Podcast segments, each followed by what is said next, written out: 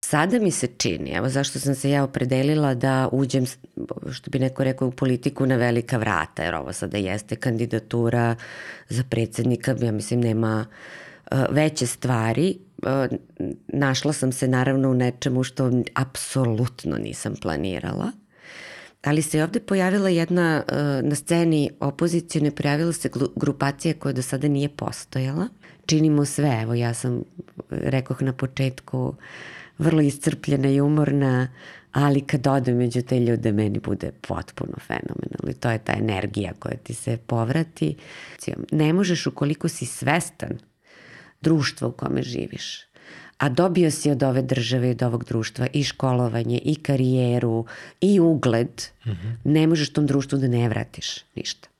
Ja mislim da je najveća, uh, najveći greh ovog režima je taj što je upropastio normalnost, upropastio mm -hmm. komunikaciju, um, ne postoji više mirna diskusija sa argumentima, pristojnost je proterana odavde, ovde više uopšte nema moralni skrupula. I ja mislim da je to najveći greh koji je ova vlast napravila. I to će verovatno najteže i da se popravi.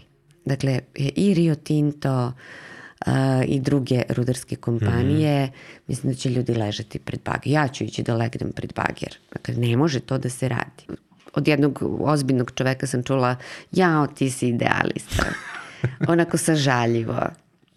Ali eh, u smislu ne može to nikad da se ostvari, ali s druge strane posle izvesnog vremena je rekao, pa znaš šta, u stvari društvo ne može da e, ide dalje -hmm. bez idealista. Znači neko mora da ima neki cilj, neku ideju, da polaže sve nade u tu uh, ideju i da gura tako. Pa sad mm -hmm. da li će uspeti ili neće, to je druga stvar, ali mora da pokušava. Idealisti su to, idealisti su menjali svet. Još podcast 1. Pozdrav svima, dobrodošli u Još podcast 1. Moje ime je Ivan Ćosić.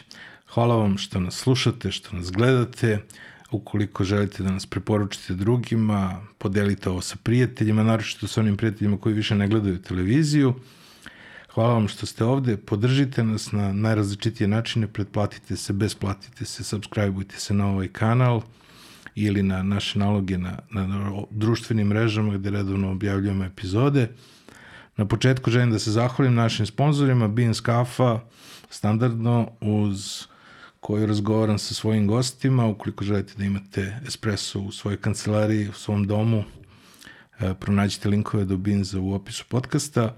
Naš drugi sponsor je MVP Workshop, studio u Beogradu, iz Beograda.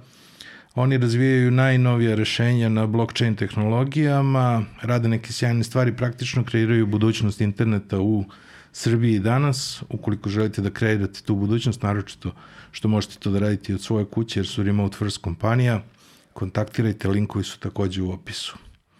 Hvala vam. Moja današnja gošća je profesorka na Biološkom i Filozofskom fakultetu. Moja današnja gošća je aktivistkinja sa dugogodišnjim stažom.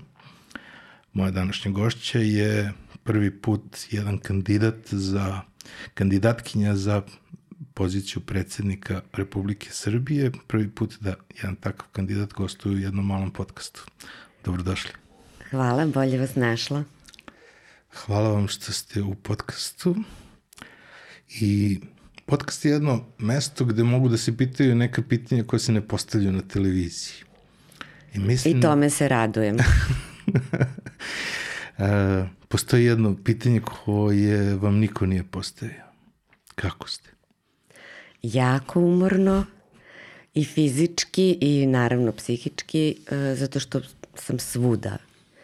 Imam plan od ujutru, od ranog jutra do uveče gde sve treba biti, na koje televizije ići i to jeste naporno, ali je divno iskustvo. Mm -hmm. Dakle, stvarno to je sada i, to su sada novi ljudi koje upoznajem, koje neke od njih sam poznavala, ali sada se taj krug širi. Mm -hmm.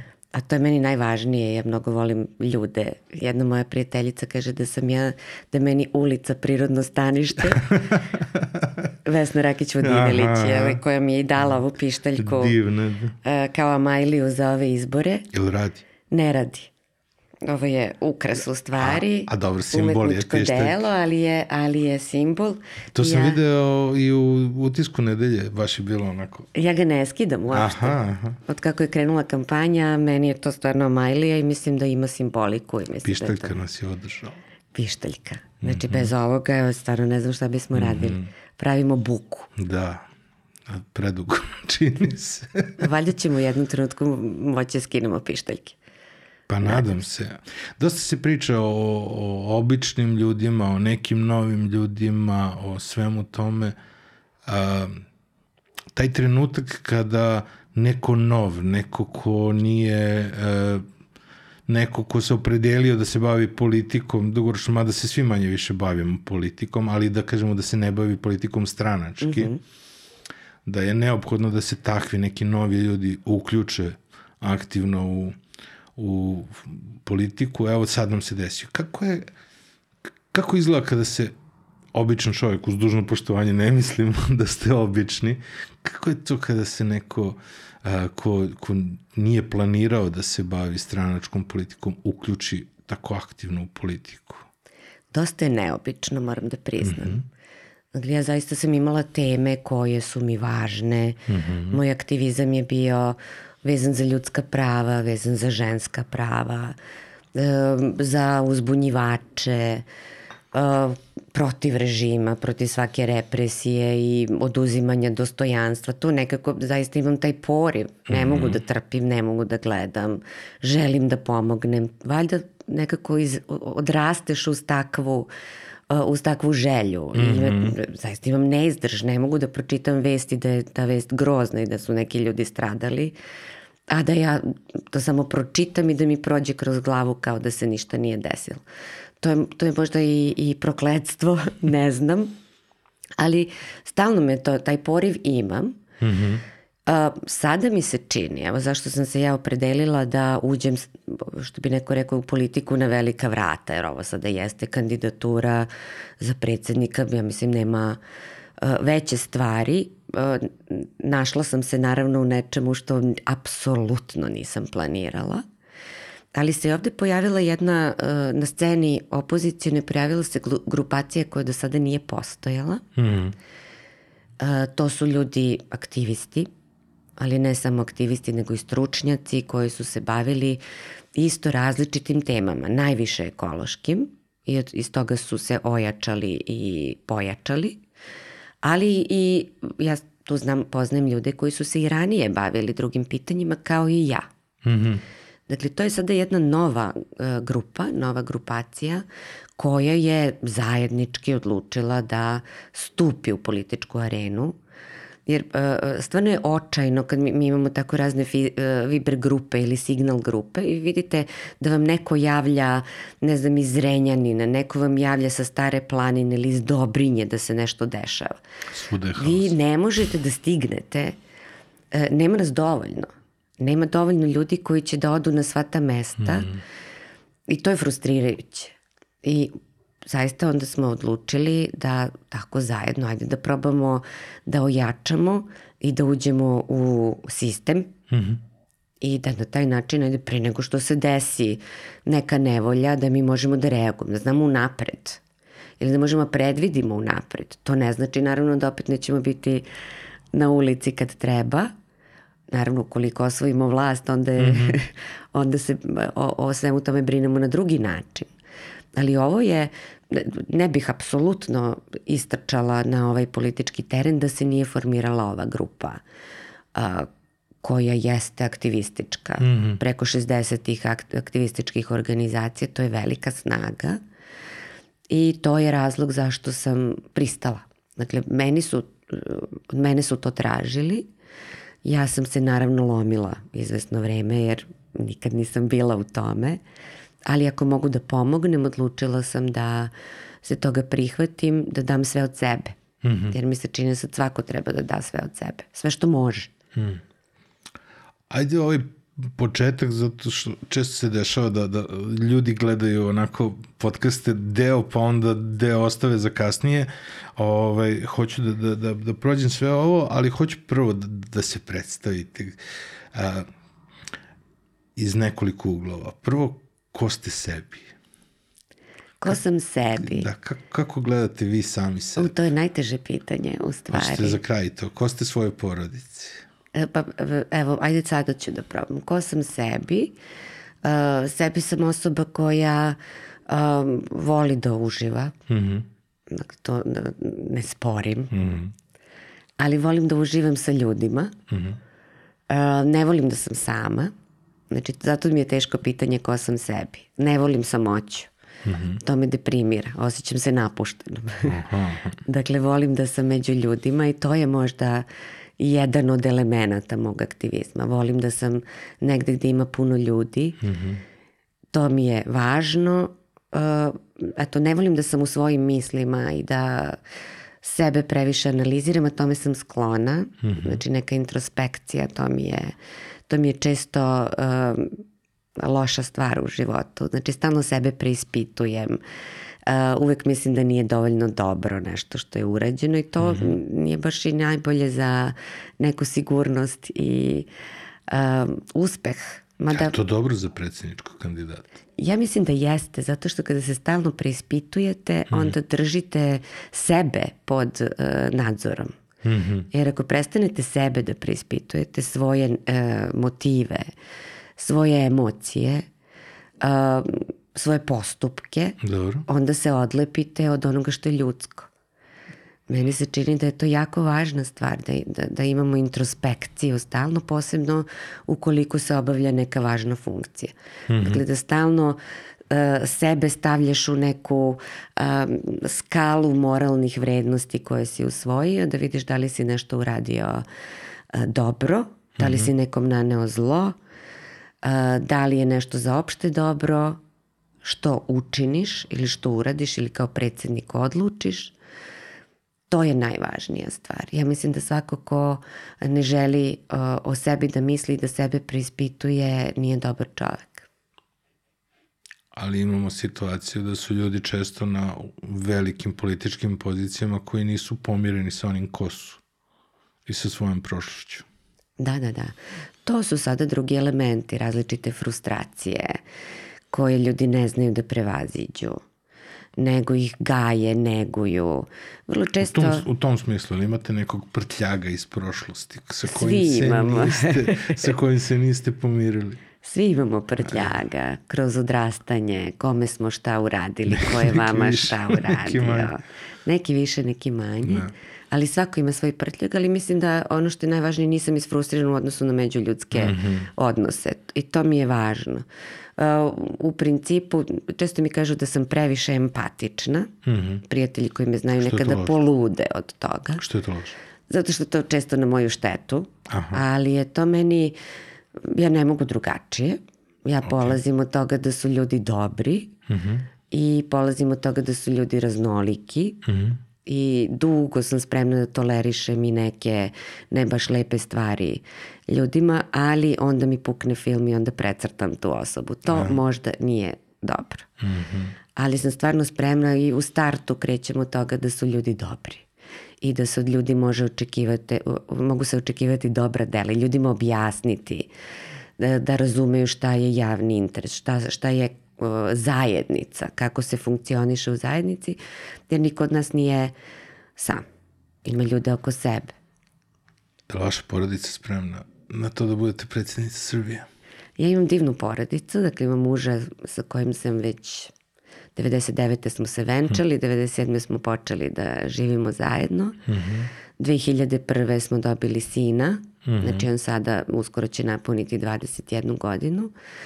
To je skladna porodica, e, podržavamo jedno drugo mm -hmm. I, i svog sina, nikad mu ništa nije bilo zabranjeno, ali je razumeo da posledice snosi on i mhm. odgovornost Uh, jednom nam je rekao, vi ste mene u stvari zeznuli. Zato što je lakše uh, dobiti neku kaznu a, i onda mimo roditelja učiniti nešto što znaš da ih nervira.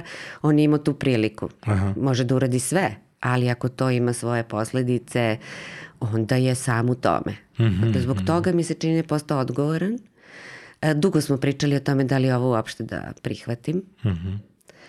Uh, sin, moj sin je bio protiv toga u početku, zato što je mislio da će to njegov komfor da... Šta je rekao? Rekao je da li si normalna, to znači da će biti puno pažnje. Mm. Mislio da će i na njega biti pažnje, što drago mi je što nije. Fokusirana ni malo, to mi je okej. Okay on se angažovao u prikupljanju potpisa i takvih stvari. Znači, Potpišite to se... za moje malo. Jeste. E, vrlo je socijalan, ima ogroman krug ljudi mm -hmm. koje mhm. poznaje i to je ta sigurnost da. koju on ima i koju je izgradio. E, moj muž je e, rekao da misli da je to dobro i za mene, da negde konačno istupim, da probam sve. Jer sam ja stalno imam taj neizdrž, mm. moram ovo, moram ono. I onda je rekao, ok, ajde, probaj sad i ovo. Često su ljudi zbunjeni s obzirom na to da vam je suprug genetičar i da se preziva Stojković. Yes. I postoji genetičar Stojković, on je nažalost morao da napusti, koliko ja znam, zemlju. Da, mislim da je sad trenutno u Srbiji. Mm. Ove, ovaj, suprug vam je takođe naučnik. Jeste. Mm. Uh, Oliver Stojković, on je isto završio biološki fakultet kao i ja, od mene je stariji mm -hmm. tri i po godine. Upoznali smo se kada je on radio svoj doktorat, a ja svoju magistraturu. Mm -hmm. U to mhm. vreme su još postojale magistrature. Tako smo se upoznali, počeli da se uh, zabavljamo. On je...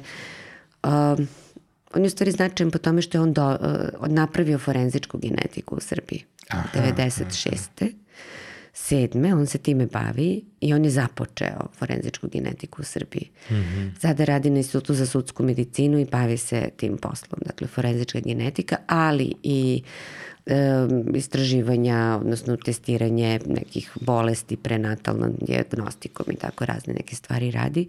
Ali ono što je zaista važno, on je potpuno posvećen forenzici. Mm -hmm. To mu je uzbudljivo, to voli. I eto, mislim, zaista je to lepo. Stalno pričamo o različi, savetujemo se, negde smo iz slične struke. I ko ste vi za Srbiju? Ja sam probao u pripremi za razgovor da, da uvek imam određeni krug ljudi oko sebe i onda deo ljudi je rekao a, sjajno što dolazi u podcast Bilja, a, A drugi deo ljudi je rekao, ko je to?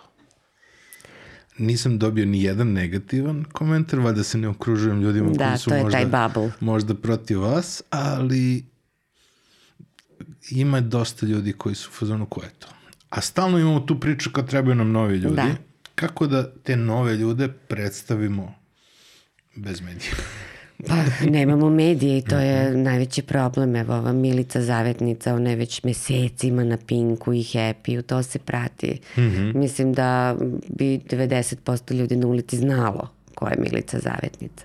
Mm -hmm, da, dakle, da, prepoznatljivost je Prepoznatljivost, zato što je na nacionalnim frekvencijama i tako dalje. Ja uh, imam značaj, odnosno ljudi me vole, ovi koji jesu uključeni mm -hmm. u mhm.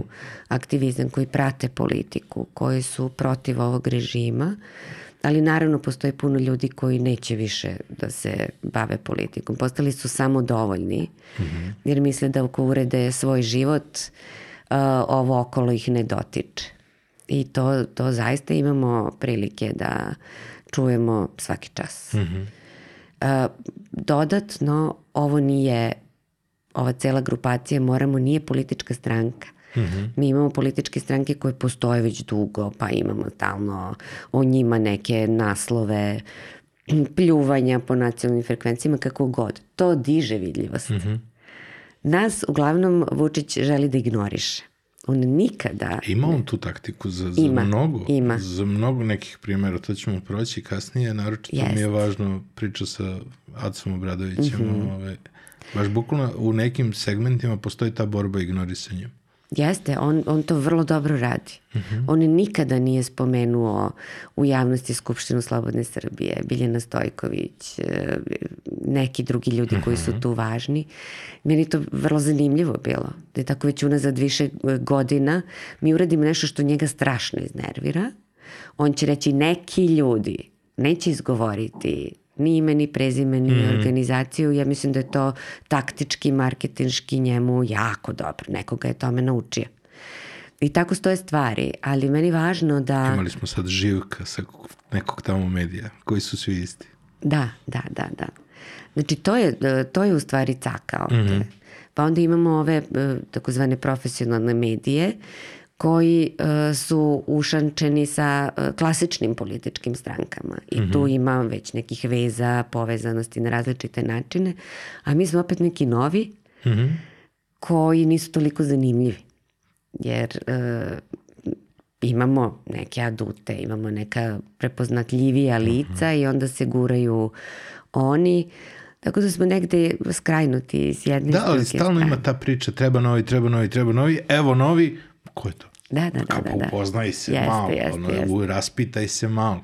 Pa to je, to je problem. Doduše, na, na Twitteru ste dosta dugo poznati.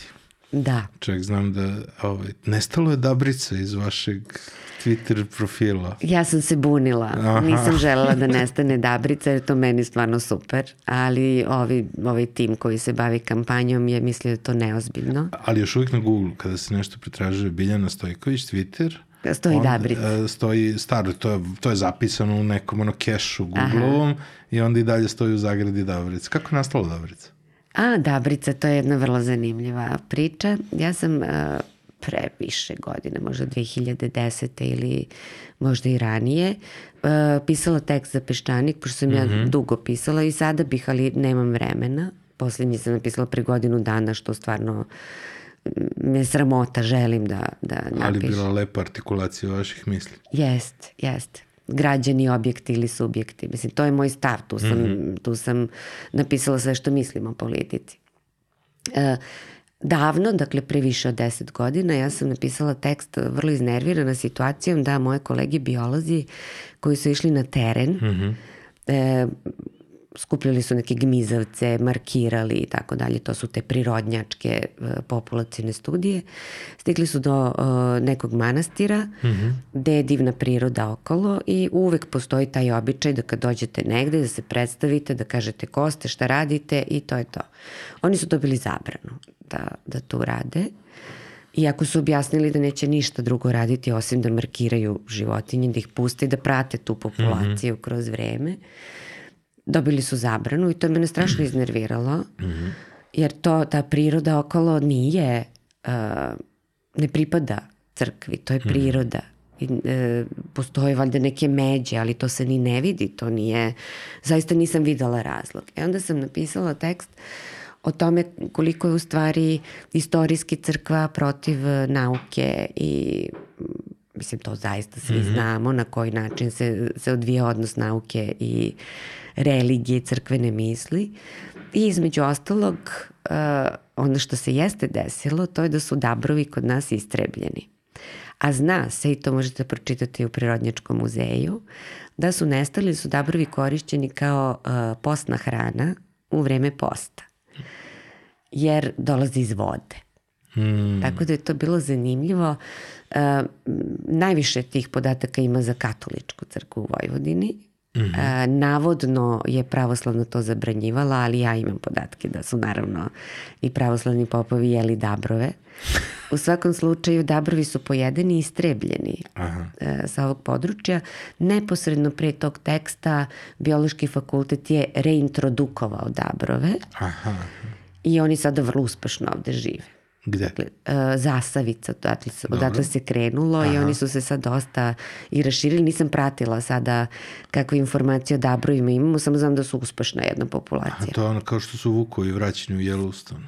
Da, da, da. To je taj koncept. I koliko znam sada neki postoji neki koncept za ne, neka ideja da se bizoni, mm -hmm. ali to će raditi uh, veterinarski fakultet. Takođe reintrodukuju to će biti zanimljivo. Odnosno neka goveda koje su bila mm, autohtona ovde, uh, ali ih više nema. To je interesantno. Jeste vrlo interesantno. Da. Ima jedna divna priča, pošto uh, sa biološkog fakulteta, to su kolege koje prate u prirodi životinje. Jedan kolega se bavi medvedima i on je uh, svakog medveda koji postoji u uh, Srbiji, Bosni i Hercegovini, medvedi naravno ne znaju za granice, je čipovao. Mm -hmm. Poče, znači, pošto je to počeo pre mnogo godina, uh, ubacio je uh, karticu za mobilni telefon u medvede, tako da su medvedi, ist, ne znam kako sad ide, ta, kako je išla ta tehnologija, on je mogao da ih prati gde se nalaze i dobio je ogromne račune uh, za, za, Zbog za mobilnu roaming. telefoniju, Roaming. zato što su mečke ulazile u roaming. I to je meni potpuno sjajna priča kada stignu računi za telefon. Trećem on je imao neki projekat pa mogao toga da plati, ali je to stvarno bilo kao ne, ne, opet je u roamingu. Da li medvedi imaju teoriju zavere, čipuju nas? Da, da, da. Mada sam čuo, na Tarije glavni opa, glavna opasnost su veliki magacini, kao to, je, to im je glavna stvar da uđu u magacin da pojedu sve živo. Zašto da ne? Unutra, Kad kao je na nisu opasno, raspolaganju. kao nisu opasno za ljude uopšte, kao opasno su za, za magacine iz ostave, kao ne, nemoj da ostavljaš hranu. Ne, znam, ne znam, to sad, sa, sa da, to kao dabrica mi je bilo I da, dobro. tu je nastavak sada te mm. priče, pošto naravno e, ovi des, klero mm -hmm. desničari, oni su, tu posebno uh, Slobodan Antonić, mm -hmm. on je napisao neki tekst u Nove srpskoj političkoj misli o meni, povodom mm -hmm. Dabrova, on je to preneto u pečatu, I tako i ta se priča proširila i onda sam dobijala napade od uh, na mrežama i tako, mislim, na, na, preko različitih uh, puteva su stizale i pretnje i mm -hmm. uh, vrlo ružne reči do mene. Ja sam onda namerno u inat napisala Dabrica na Twitteru. Meni to bilo dobro, zato što da, bilo bi dobro kao kandidati koalicije moramo su Dabrice i Dobrice. Jeste. I to je jedna stvar, a druga stvar, kad postanete predsednik Srbije, čuvat će vas kobre. Da, da. Onda kobre dabre. kobre dabre, da, da, da. Jer, ne znam da li imaju kod nas ono šifrovane imena ko što imaju američki predsednici ono sa, sa tajnom službom. sa, Ovo moje ovaj, već ne bi, bilo, ne bi bilo šifrovano, svi me da, znaju svi bi kod znali, Dabricu. Da, kao kobre čuvaju dabre. A ovo je Dabricu. Uh, još jedna stvar o vama. Rođeni ste 6. oktobra. Šta je za vas 6. oktobar, šta je za Srbiju? Mm -hmm. Pa 6. oktobar je moj rođendan, ali posle 2000. godine, kada si govori, to je dan koji se nije desio. Mm. Ja tako i napišem uvek. Rođena sam dana koji se nikada nije desio. Jer je to zaista bio jedan prelomni trenutak koji nije iskorišćen.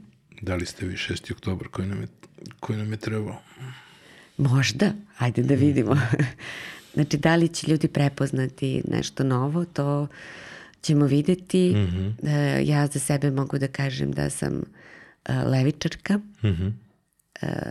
Borim se za ljudska prava, to mi je najvažnije. Borim se za dostojanstvo života, za poštovanje pravne države, jer to je jedino što, nam, što nas čini stabilnim u, u jednom društvu. Eto, to je nešto što je meni jako važno i tu dajem sebe. U toj, u, konačno u tom imam mm. veliko, isku, dug, dugogodišnje aktivističko iskustvo i mislim da je da, da bi trebalo u jednom trenutku da progledamo i da tražimo ljude koji a, razmišljaju na sličan način. Ovaj način o kome, o kome sam ja sada govorila. I to neki ljudi prepoznaju, neki ne, jer nemaju prilike ni da čuju, ni da vide. Uh, ne podnosim mržnju, ne podnosim podele, mm -hmm.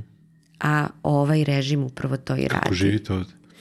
Vrlo teško. Mislim, kao i svako, uh, ja sam se okružila ljudima koje volim mm -hmm. i ljudi, ljudima koji mi prijaju.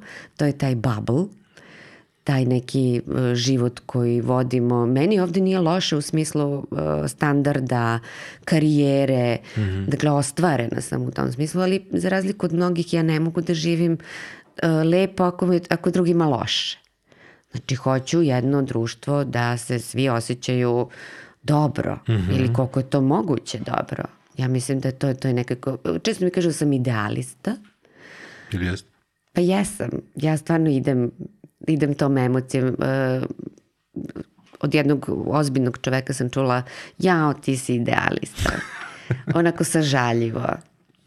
Ali, uh, u smislu, ne može to nikada da se ostvari, ali s druge strane posle izvesnog vremena je rekao, pa znaš šta, u stvari društvo ne može da uh, ide dalje mm -hmm. bez idealista. Znači neko mora da ima neki cilj, neku ideju, da polaže sve nade u tu uh, ideju i da gura tako. Pa sad mm -hmm. da li će uspeti ili neće, to je druga stvar, ali mora da pokušava.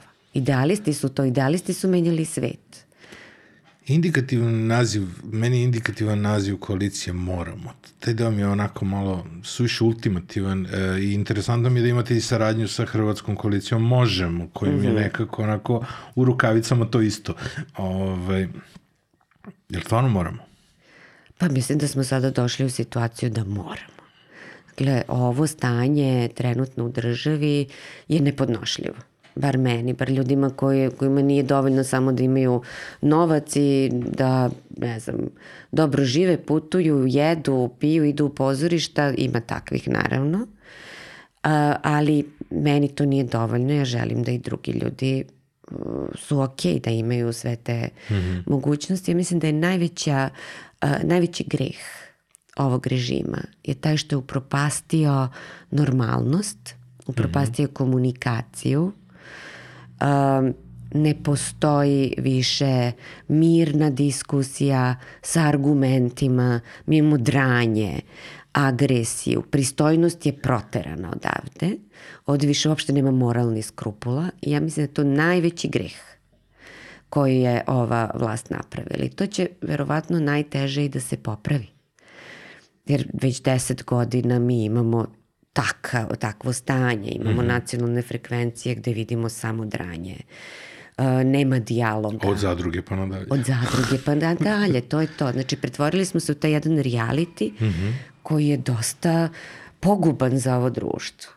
I vi zaista možete da vidite decu u školama koja ima tih snimaka ili se međusobno tuku mm -hmm. ili imate snimaka da, da prave haos i lome stolice u učionici, a profesor ne zna šta da radi to je ta agresija koja je probuđena. I treći scenarij da ne komuniciraju uopšte, su svi na svojim telefonima. Ili su na telefonima. Dakle, to je, e, mislim da je to najpogubniji. Mm. Taj e, proterivanje etike odavde i to se neguje. Mm -hmm. Mi imamo sad neku novu normalnost koja je potpuno nenormalna i zaista to treba nekako urediti, vratiti na, resetovati se. Da, ali imamo neki evolutivni pomak u odnosu na, na vreme 90-ih, gde ipak nije onako e, na, na čudan način se, se deš, desilo to neko opet umirivanje publike što je proizvelo ogromni broj abstinenata, da imamo tu situaciju malo pre ste rekli meni je ovde ok, meni je ovde u redu. Imamo jako mnogo ljudi koji su u fazonu, ako ja držim glavu ono iznad vode i ispod radara sam, meni će da bude ok. I to je proizvelo veliki broj ljudi, mi zapravo najviše vidimo i čujemo agresivne mm -hmm. i mhm. sve to, ali i dalje je većina ona koju ne vidimo. Koja ćuti. Koja ćuti. Jeste ta... Gde su ti abstinenti? Kako njih aktivirati? Meni je konstantno ta neka, ne znam kako se kaže zero sum na srpskom, ovaj, ta neka igra gde se igra sa nekim brojem ljudi koji su aktivni u političko-izbornom životu, a postoji ogroman broj da. ljudi koji su van uh, političkog života, kako njih privući, aktivirati ih nekim novim idejama, nekom novom pričom a opet znaš i sam a, da oni nisu aktivni, oni aktivno i ne traže informacije, kako vam možete predstaviti nekog novog, nekog ko ima tu neku priču i koji govori da je krajnje vreme. mm -hmm, I da se mora. Da, da. Da, to jeste problem. Ja neću ništa novo reći. Uh, upravo taj 6. oktobar koji se nije desio, taj prelomni trenutak koji uh, nas nije okrenuo na pravu stranu. Dakle, uh, došli su naši, i mi smo se opustili, mm -hmm. smatrajući da su to sada naši i oni će uraditi sve što je dobro i za nas, i za državu, za celo društvo i povukli smo se. I to je bila najveća greška. Onda su ti naši počeli da se ponašaju kao uh, tipične političke stranke, da se udaljavaju od uh, građana, ja to kažem odnarodili se. Mm -hmm. Počeli su da gledaju svoje interese, imamo svašta šta se tu dešavalo, tu su bile naravno raznorazne malverzacije mm -hmm. i to smo svi gledali. Imali smo i nove zakone koji su, koji su se prilagođavali e, tadašnjim nekim interesima. Dakle, sve je bilo pogrešno. Mnogo pogrešnih stvari je urađeno i ljudi su polako padali u očaj. Znači, iznevereno nešto veliko, neka velika energija je ubijena. Mm -hmm. I e, zaista e, će biti mnogo, mnogo teško da se ona ponovo podigne. Upravo ovi ljudi koji su razočarani, iznevereni, mm -hmm. oni su abstinenti. I drugo, a, zaista i ovaj režim je sve učinio da uništi politički život u Srbiji. Znači, postoji on, njegova stranka praktično ne postoji, to su njegove mm -hmm. sluge. Sve druge stranke i pokreti su a, ili ignorisani ili na neki način uništeni. Mm -hmm pokreti se sad tek javljaju, ali političke stranke su stvarno preživele mnogo što što po zasluzi, a što po um, jeli, ovom, sentimentu ovog autokratskog vođe.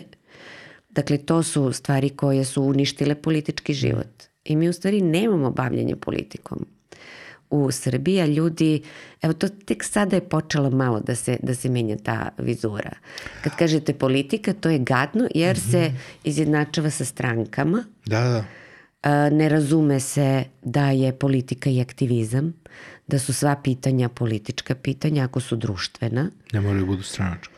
Da, ne, ne moraju biti nužno stranačka. Mm. Ljudi su razočarani u stranke i ne žele da vide stranke. Konačno ne žele ni da vide te stare ljude u koje nemaju obrazovani, zato što nisu. imate situaciju da često u aktivizmu, ja sam iz Stepe, ja sam živim u Stepi, i mi smo imali često tokom svih naših akcija ovo nije politička akcija. Onda sam ja pokušao da im objasnim, jeste politička, nije stranačka sve što radimo je politika, je sve je borba za, za naš bolji da. život, za društvo, za, za okruženje. I onda taj deo što ljudi ne razlikuju politiku i stranke, da su to dva različite, dve različite potpuno priče, koje su srodne u načinima delovanja, ali ne moraju da budu nužno povezane, je problem kod ljudi, jer on kaže nećemo politiku. Ljudi u politici ste. U politici, naravno. Tako da to, to je jedna stvar. Ali meni to je recimo jedna jako zanimljiva sada u, u ovoj izbornoj mm -hmm. trci. Strašno mi je zanimljivo, mi smo slušali uh, dugo godina, nećemo stranke, nećemo Đilasa, nećemo Jeremića, dakle sve je to išlo na tu vodenicu jer stranke su fuj. Mm -hmm. uh, onda su se pojavili pokreti koji nisu stranke, koji funkcionišu potpuno drugačije, na poziv pokreta ljudi izađu na ulice jer postoji problem, realan problem, mm -hmm. vrlo bliza građanima i možete da imate i ulicu i e, blokada autoputeva, sve može da se desi na poziv stranaka niko ne bi izašao ili bi izašlo 100 ljudi. To ima limit. Uh, limit, pa da, da, to, da. To ima limit sa, uh, sa učešćem ljudi, jer mi smo došli do tog limita, šta se opet bunite? Da, da, da, da. Pa, Ali je zanimljivo meni sada... U, aktivističkim se, u aktivističkom segmentu postoji taj trenutak kada jednostavno, i to je ona borba ignorisanja. Jeste. To je ona borba ignorisanja. Znači on pusti. Pusti, buni se, mi recimo sada kada prijavimo neke akcije, neke blokade i ostalo, Nema mi dobijamo... Nema ni policije. Ne, ne, ne, uredno dobijamo obezbeđenje policijsko, sve regulišu saobraćaj, sve kompletno, mi završimo sa protestom, sve je prošlo mirno, uredno. I nikom ništa. Nikom ništa. I... To, to, to je strategija koju je usvojio i koja je u stvari za njega odlična. Ali ono što sam tela kažem, to mi je jako zanimljivo. Dakle, kada pozovu stranke, oni se više ne usuđuju da pozovu ljude na ulice, jer mislim da bi tu negde bilo očigledno koliko tu malo o, građanske snage mm -hmm. ima. Ali, kada se odlučuju sada za glasanje, mm -hmm. to je zanimljivo. Glasaće pre za tradicionalne stranke. Meni to zaista, to ću, to ću morati da prevarim i da, da dobro o tome e, promislim. A, mi, mi Sigurnica. po rejtinzima, ne, nisam sigurna, ali po rejtinzima ili istraživanjima do sada, se misli da smo mi, e, koalicija Moramo, ispod recimo ove tradicionalne opozicione grupe, koja je Mhm. koalicija stranaka, pri čemu do pre dva meseca je bilo i po Twitteru, po društvenim mrežama, u svakodnevnim, u svakodnevnom razgovoru e, muka mi je od ovih političa, muka mi je od ovog, ovog, vrlo poimence, ali kada dođu izbori, ljudi su opet, valjda je to ta inercija, tradicionalno viđenje, ok, kada su izbori ja ću ipak glasati za uh, stranke, za ove ko, o kojima ne mislim ništa dobro. Mm -hmm. Dakle, to, to je zanimljiva Mhm. da, možda jedna ono stvar. kao da, da možda imaju utisak da, da moj glas ima smisao, ovi imaju šanse da pređu cen, možda oni tako Možda, nešto ono, možda sigurno ima kao, toga. Ali ipak mislim da vi možete da privučete deo glasova od strane ljudi koji decidno ne žele da, da. glasaju za, za, za tu. I sad to jako mnogo ljudi lamentira na temu što nije ujedinjena opozicija Mhm. i tu me interesuje uh, ne verujem da iko može da uradi dobro predviđanje trenutno, ali evo šta je, šta je tu je, znači imamo nekoliko kolona Da. ove, opozicije prave i nekoliko varijanti lažne, ali baš me interesuje kako će biti rezultati čisto sa analitičkog nekog, da li je bio pravi, da li je bio pravi potez, jer jako mnogo ljudi je bio u fazonu kao ako se ujedinimo svi, onda neću da glasam, ako se bude ujedinila opozicija, neću da glasam zato što će onda da bude Boško sa njima ili Đilas, znači Boško i Đilas su glavne rakrane koje Da, su ono, da, da. ovaj, koje uvek dele ljude otprilike. Tako da baš me sad interesuje. Evo sada imate Da. švedski sto. Izaberite šta želite. Pa, uh, Skupština Slobodne Srbije je nastala sa idejom da se svi ujedine. Mhm. Uh, I to smo stvarno dugo radili, pokušavali i doveli za sto zavađene lidere opozicijonih stranaka. Naša ideja je bila da se svi ujedine, ali da to ide zajedno sa građanskim pokretima, da građanski pokreti budu ti koji će nositi celu uh, priču, znači direktno građani, a da oni naravno tu daju i, i logistiku. To je bila jedna ideja koja se ispostavila kao nemoguća. Da uh, svi zajedno, a da se pritom ta ideološka uh, strana stavi u drugi plan, samim tim što bi stranke bile u drugom planu.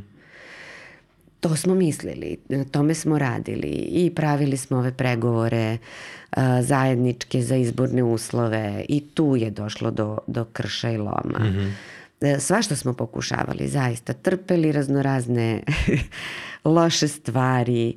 Onda nam je rečeno, pa nije to, opet ti si idealista, stranke imaju svoje interese. Mm. Znači, možda ja stvarno ne razumem, meni je sada interes da ovo ode a ništa drugo me ne zanima, ni stranački, ni bilo koji drugi interes. Ali tako je to teklo. Mm. Uh, mi smo se stvarno do, do krajnjeg momenta trudili, naravno ove, ove, ova grupacija koja je danas moramo, oni nisu ni želeli. Odnosno, imala sam, ja naravno te ljude znam i sa njima sam Moramo, u kontaktu. ali nećemo. Moramo, ali nećemo, da. Ja te ljude naravno znam i mm. ja sam sa njima stalno u kontaktu, zajedničke akcije pravimo, ali njihova ideja već e, počela da se razilazi od tog e, kompletnog ujedinjavanja, što i nije ispalo loše jer e, nisu, verovatno nisu znali koliko loše stoji stvari sa ove strane. Mm -hmm.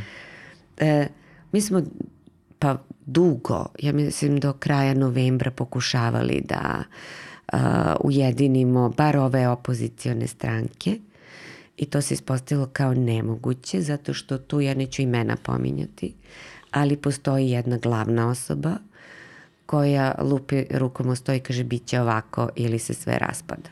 A možemo pomenemo jedno drugo ime koje ja mnogo volim, ovaj, to je Srđan Škoro, koji je rešio da povuče nogu i da kaže, evo ja ću, ja sam, moja najveća prednost je to što sam na birovu i ono, mislim, ja, ja se sećam, ono, on je gostovao kod, baš kod moje prijateljice Irine ovaj, u jutarnjem programu kad je kad je tek bila naznaka gde ćemo, ovaj, u kom pravcu ide Srbija i on je tako jedan, jedan impulsivan čovjek. On je impulsivan. I, ovaj, Mislim da je ovo uradio impulsivno. jest, jest, onako iz srca. Baš Iz se to videlo. Jeste, ovaj. jeste. On, uh, on je sa nama, ne delimo, ajde ideološki se uh, poprilično razilazimo, ali Skupština je bila ideja, Da. ideja Skupštine da zaista imamo celu paletu. Uh, ljudi koji jesu iskreni opozicionari, žele iskreno se bore, ali bez ove ideološke note. On je on je stvarno smorio se od neizdržljiv. taktiziranja, Jeste, da. smorio se, ja to skroz razumem. I ja ga razumem potpuno, on je jednostavno to re, hteo da povuče Jeste. nogu i da kaže, evo ja ću. Naravno, meni možete. nije padalo na pamet da se kandiduje. Mislim, apsolutno mi to nije padalo na pamet. Njemu je to jeste, impulsivno je to uradio i meni je žao u stvari što je to uradio jer je shvatio, uh, i on je sada shvatio, bez nekog, uh, neke organizacije. Ma, naravno. U ovom slučaju su to aktivističke grupe širom Srbije. Ne možete ni potpise da skupite. Hmm. Dakle, trebaju vam ljudi. Ne možete sam. I to, to se i njemu, jeli sada, tako lepo prikazalo i žao mi je što je to uradio, ali potpuno razumem. Ja Ali sam sto priču. On je, znači šta je bio njegov cilj, ali on je pokrenuo mnogo ozbiljnije da krene cela priča oko toga. Njegov cilj jeste bio da bude kandidat, Mm. ali se malo preračunao u koracima, mislio da je to sve jednostavnije, Mm. a u stvari nije. Iskrenost mu se ne može uopšte uh, ovaj, osporiti. Srce. Srce. Da. Ja vrlo često idem isto tako, ali sebe malo manje, e, malo se, ja mislim, realnije sagledavam u vremenu i prostoru, ali sve jedno, dakle, on jeste srce mišao. Poludeo je više od svega ovoga što smo i, i trpeli i kroz šta smo sve prolazili na Skupštini Slobodne Srbije, ja to skroz e, razumem. Sada mi se čini da a, imamo jednu simpatičnu i novu situaciju, a to je ovo da se, ako zanemarimo ove lažne opozicionare koji su desnica, imamo situaciju u kojoj a, je opozicijona scena podeljena na stranke i na pokrete. I sad ćemo da vidimo kako to izgleda. Interesantno, da. Skroz je interesantno i mislim da je krajnje neobično. Vidjet ćemo kako to prolazi. Ja se nadam da će, uh, da će ljudi prepoznati ovo kao nešto novo i da će im to biti zanimljivo jer ovde se nalaze na toj listi, nalazi se puno aktivista, ali i puno stručnjaka, vi imate i stručnjake koji su aktivisti, imate profesore univerziteta, imate advokate, uh, inženjere koji su aktivisti a, i koji se bave ovim temama koje su nam važne a, dugo vremena. Ja imam svoje savjetnike koji su predivni ljudi koje ja neizmerno cenim i koji su spremni, iako nisu na listama, nisu hteli, ali su spremni da pomognu u svemu. Upravo nama. Zato što u nama vide a, nešto novo. E, dugo vremena su ti ljudi na politi u u politici, u javnom životu i razumeju šta je na jednoj, a šta na drugoj strani, pa su spremni da ulože svoj autoritet i svoje znanje na ovu jednu novu priču, a to su ti a, pokreti, pa da vidimo kako će to da na kraju 3. aprila Generalno imamo jako mnogo kvalitetnih ljudi koji su spremni da se iscimaju i da, da ponude svoju pomoć, da ponude svoju ekspertizu. A, potpuno je neverovatno koliko imamo takvih nekih sjajnih ljudi koji žele da pomognu. A, dok smo još kod ove priče sa kandidatima, a, često se predviđalo da je a, ta cijela priča taktiziranje sa izbacivanjem kandidata, sa predstavljanjem kandidata bila u smislu da, da nisu želeli da taj kandidat onda prođe kroz medijski linč i kroz... Ima i toga naravno, ali evo vidimo kad sam ja u pitanju, mene ne žele ni da spomenu, to je taj ig- ignor varijanta. Da, da.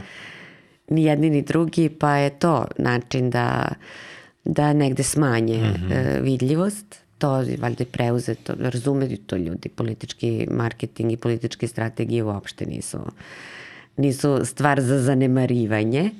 Ali tako se, e, tako se dešava. Dakle, mi, ono što, što je naša jedina mogućnost sada da postanemo što vidljiviji ljudima koji ili ne gledaju o, televizije ili ne prate novine ili jednostavno ne bave se politikom. Dakle, mi moramo da nekako dopremo do tih ljudi. Ja nisam sigurna koliko ćemo biti uspešni u ovom kratkom vremenu.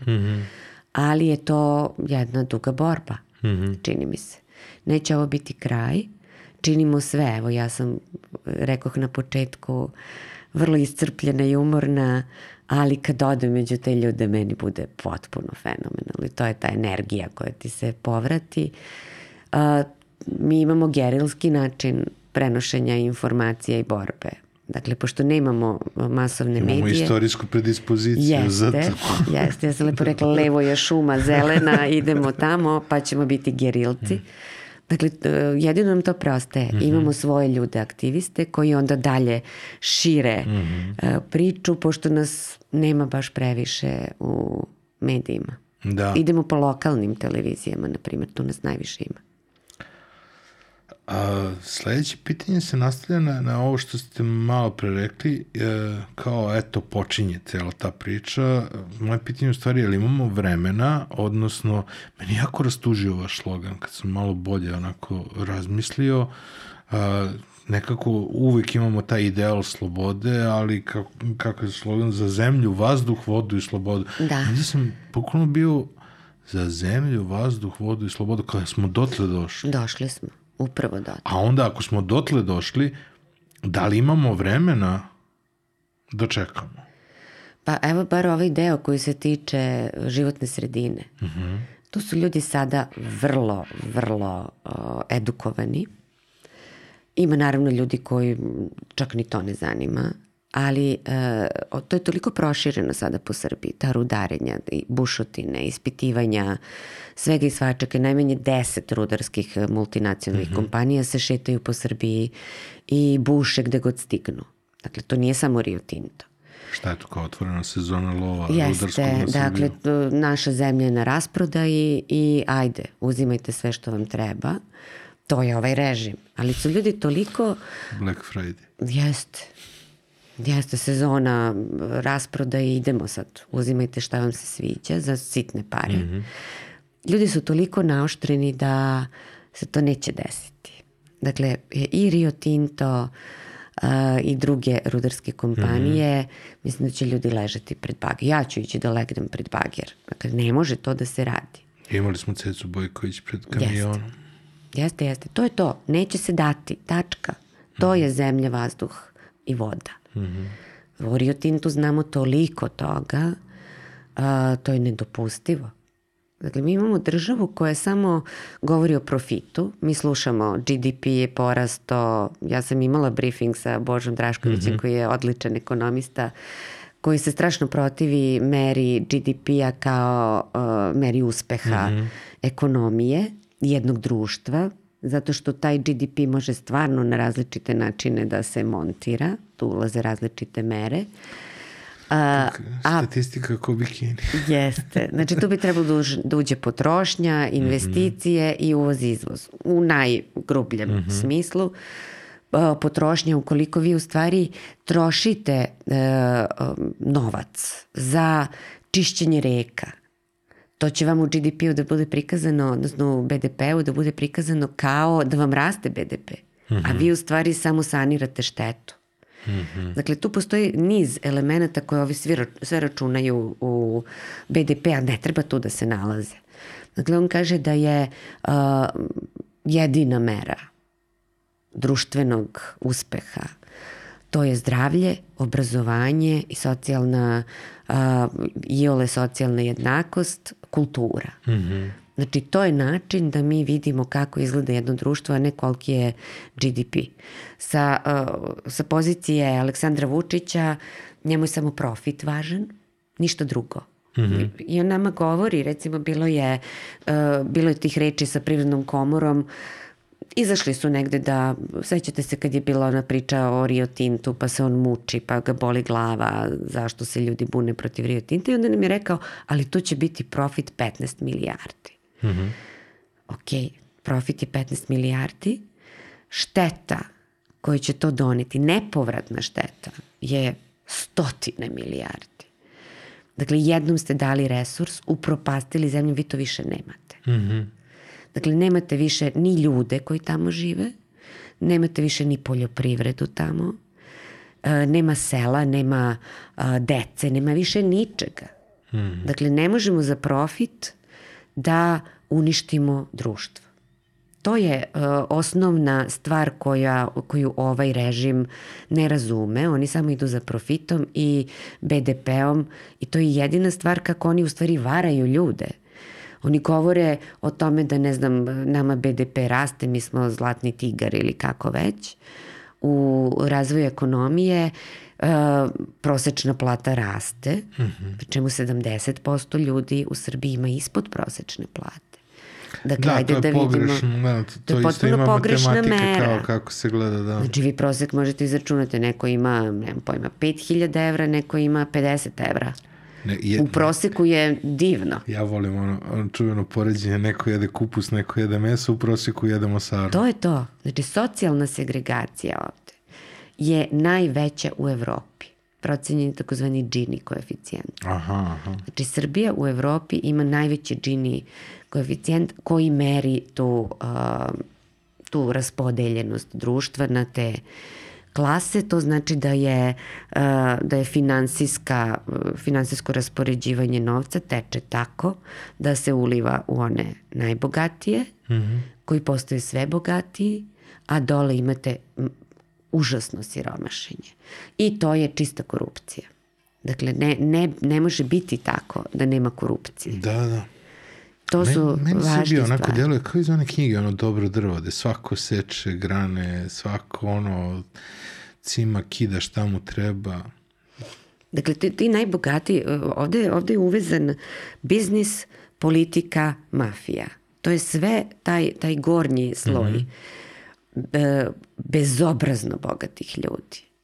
To je uvezana ova trojka mm -hmm. i njih ništa drugo ne zanima. Dakle, mi imamo političare koje ove, ova uh, zemlja i ovaj narod uopšte ne zanima.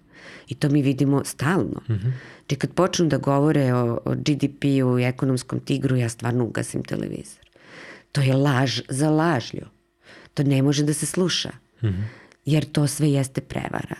A vi sad imate ljude koji misle, ja stvarno razmišljam o tome šta misle ljudi koji imaju uh, 20.000 dinara platu, a čuju da je, ne znam, 600 evra prosečna plata.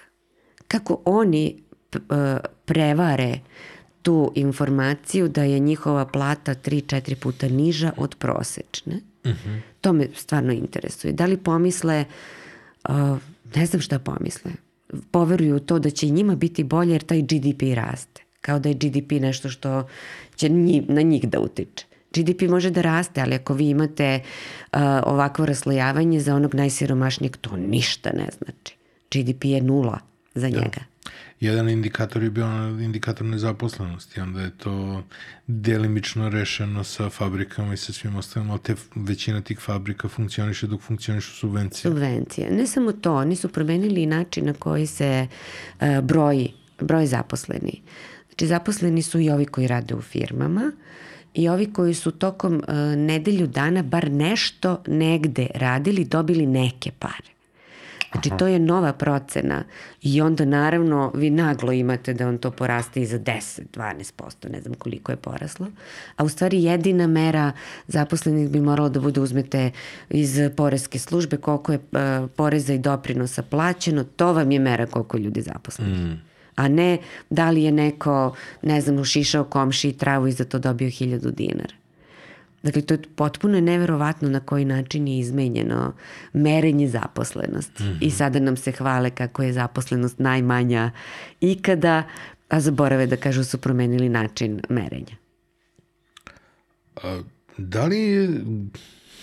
Da li je tu veliki problem zapravo obrazovanje ljudi? Ja sam skoro se upoznao sa poražavajućim cifrom od da je, isp, da je skoro 2 miliona ljudi nemaju srednju školu i, i odnosno srednju i veću obrazovanje. Znači i 2 miliona ljudi je sa ono osnovnom trećine, školom, da. bez upisane srednje škole i nepismeni.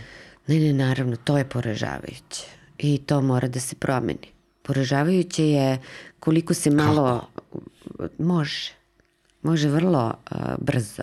Mm -hmm. Poražavajuće je to što, uh, evo i to moram reći, posle 5. oktobra, ko je dobio ministarstvo obrazovanja? To je, to, to je dodeljivano uh, kao neki partijski plen onom najslabijem uh, članu koalicije. Mrvice sa stola. Mrvice sa stola, tu nema novca i nikoga to nije zanimalo. To je Mhm. mukotrpni posao, vrlo odgovoran posao i niko se za to nije grabio i to su dobijali ljudi, mislim da ne pričamo o tome ko su sve bili ministri prosvete. Dakle, uh, to, uh, ta činjenica da se ovde, da je ovde percepcija obrazovanja uh, poslednja rupa na svirali, mm -hmm. nam se obila o glavu. I evo sada šta imamo. Dakle, budžet, procenat budžeta koji se odvaja za obrazovanje mm -hmm. je mizeran. Sve uglavnom odlazi na plate. Mi nemamo više reforme koje podrazumevaju Mislim da je samo kultura niža od obrazovanja. E, jeste. O, kultura je posebna kulturu. tema, da. Dakle, sve je upropašćeno zato što uh, se gleda profit. Tu se najslabije izloči. Tu je najmanje para, najviše odgovornosti, verovatno najviše posla i što bi se neko hvatao od toga, a kad se uhvati, što bi se baš nešto previše i cimao. I to tako izgleda. Da.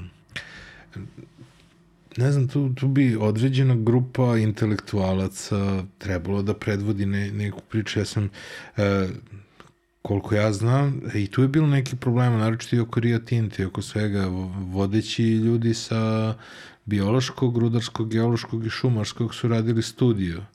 Da. I onda je ta studija nešto blokirana, pa prošla, pa ovo, pa ono, i E, tu, tu tu se- ne, bilo nešto nedefinisano, ima ili nema, taj deo je bio malo nejasan. Da, da, prvi dolazak eh, Rio Tinta, odnosno da se dešavalo pre par godina, oni su morali da naprave neku početnu studiju uticaja mm -hmm. i tu je biološki fakultet sa još nekoliko bioloških institucija uh, dobio novac da uradi studiju uh, uticaja, šta će se desiti kad, uh, ukoliko se izgradi rudnik u odnosu na, bio, uh, na biocenoze, dakle mm -hmm. na biljke, životinje, ekosisteme koji će tamo definitivno biti narušeni. Kolege koje su to radile su napisale da taj projekat treba da stane. Da je narušavanje životne sredine, nestanak biljaka i životinja sa tog prostora irreverzibilan. Mm -hmm. Znači ne može više nikad da se vrati taj ekosistem ili nešto slično tome istrebit ćemo tamo neke živ, e, biljke i životinje koje čak postoje i nalazi da se samo tu u Srbiji neke biljke nalaze mm -hmm. i one su zaštićene i međunarodnim i domaćim zakonima. To je biološki fakultet napisao, što je naravno izazvalo a, veliku, a, veliki bes Rio Tinta. Moje kolege, ja nisam učestvovala u tome, ja nisam prirodnjak. Mm -hmm. Moje kolege su dobijale pretnje, dobijali su uh, sugestije kako to da napišu i ostali su vrlo čvrsti, zbog čega sam ja ponosna na svoj fakultet. Ali ono što je definitivno na univerzitet se uvukao Rio Tinto. Recimo pre, ja mislim, dva meseca ja sam bila prozivana na senatu univerziteta, znači gde sede dekani i rektori. Mm -hmm. e, o, o, prozivala me dekanka rudarsko-geološkog, mm -hmm zato što ih navodno vređam, geologe, e, i tražila je javno izvinjenje. Dekan Šumarskog je bio...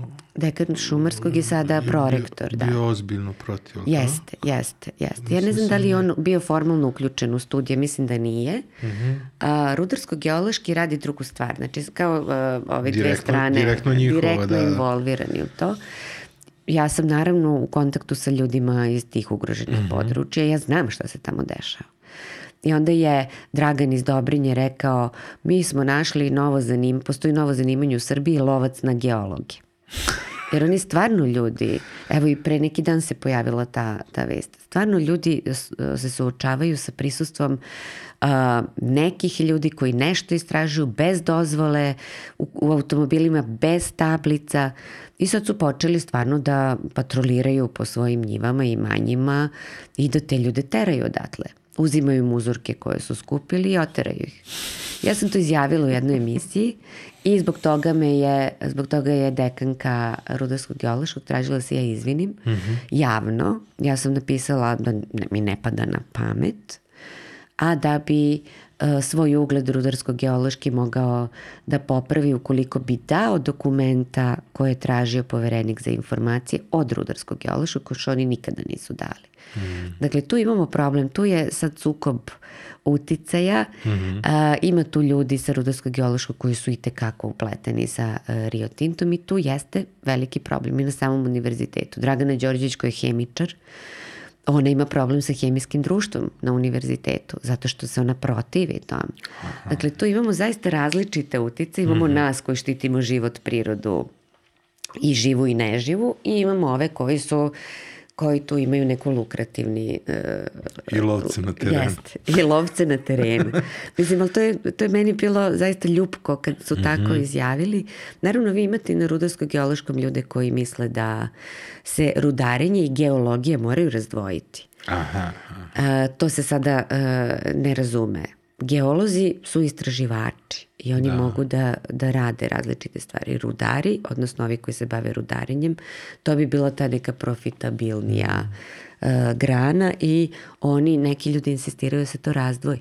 Onda ne bismo rekli uh, lovac na geologe, na primer. kako, je, kako je situacija na univerzitetu? Znam da ste bili aktivni ono, u trenutku kad su bili problemi sa doktoratima i sa raznim, sa zatvaranjem. Onim da, čuvenim. blokada rektorata. Da, da, da. Pa ja sam uvek uz te neke progresivne snage. Spomenulo nešto? Kako, kakva je situacija trenutno? Tiha. Hmm? Tiha previše. Vi ste i na filozofskom i na biološkom.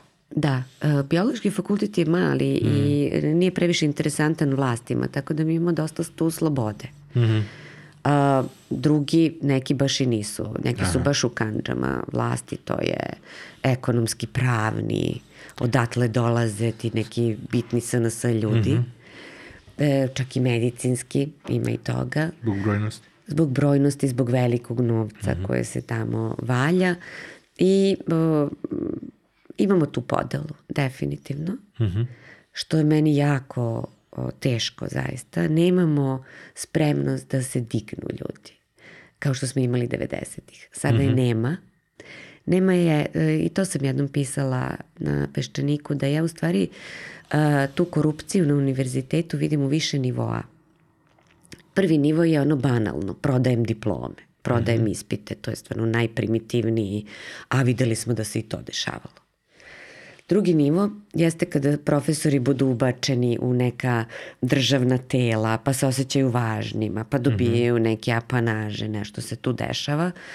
Čak vrlo često znajući da neće ništa tu specijalno ni uraditi, ali njihovo ime je važno da podiže ugled tih uh, državnih tela i to je korupcija po meni.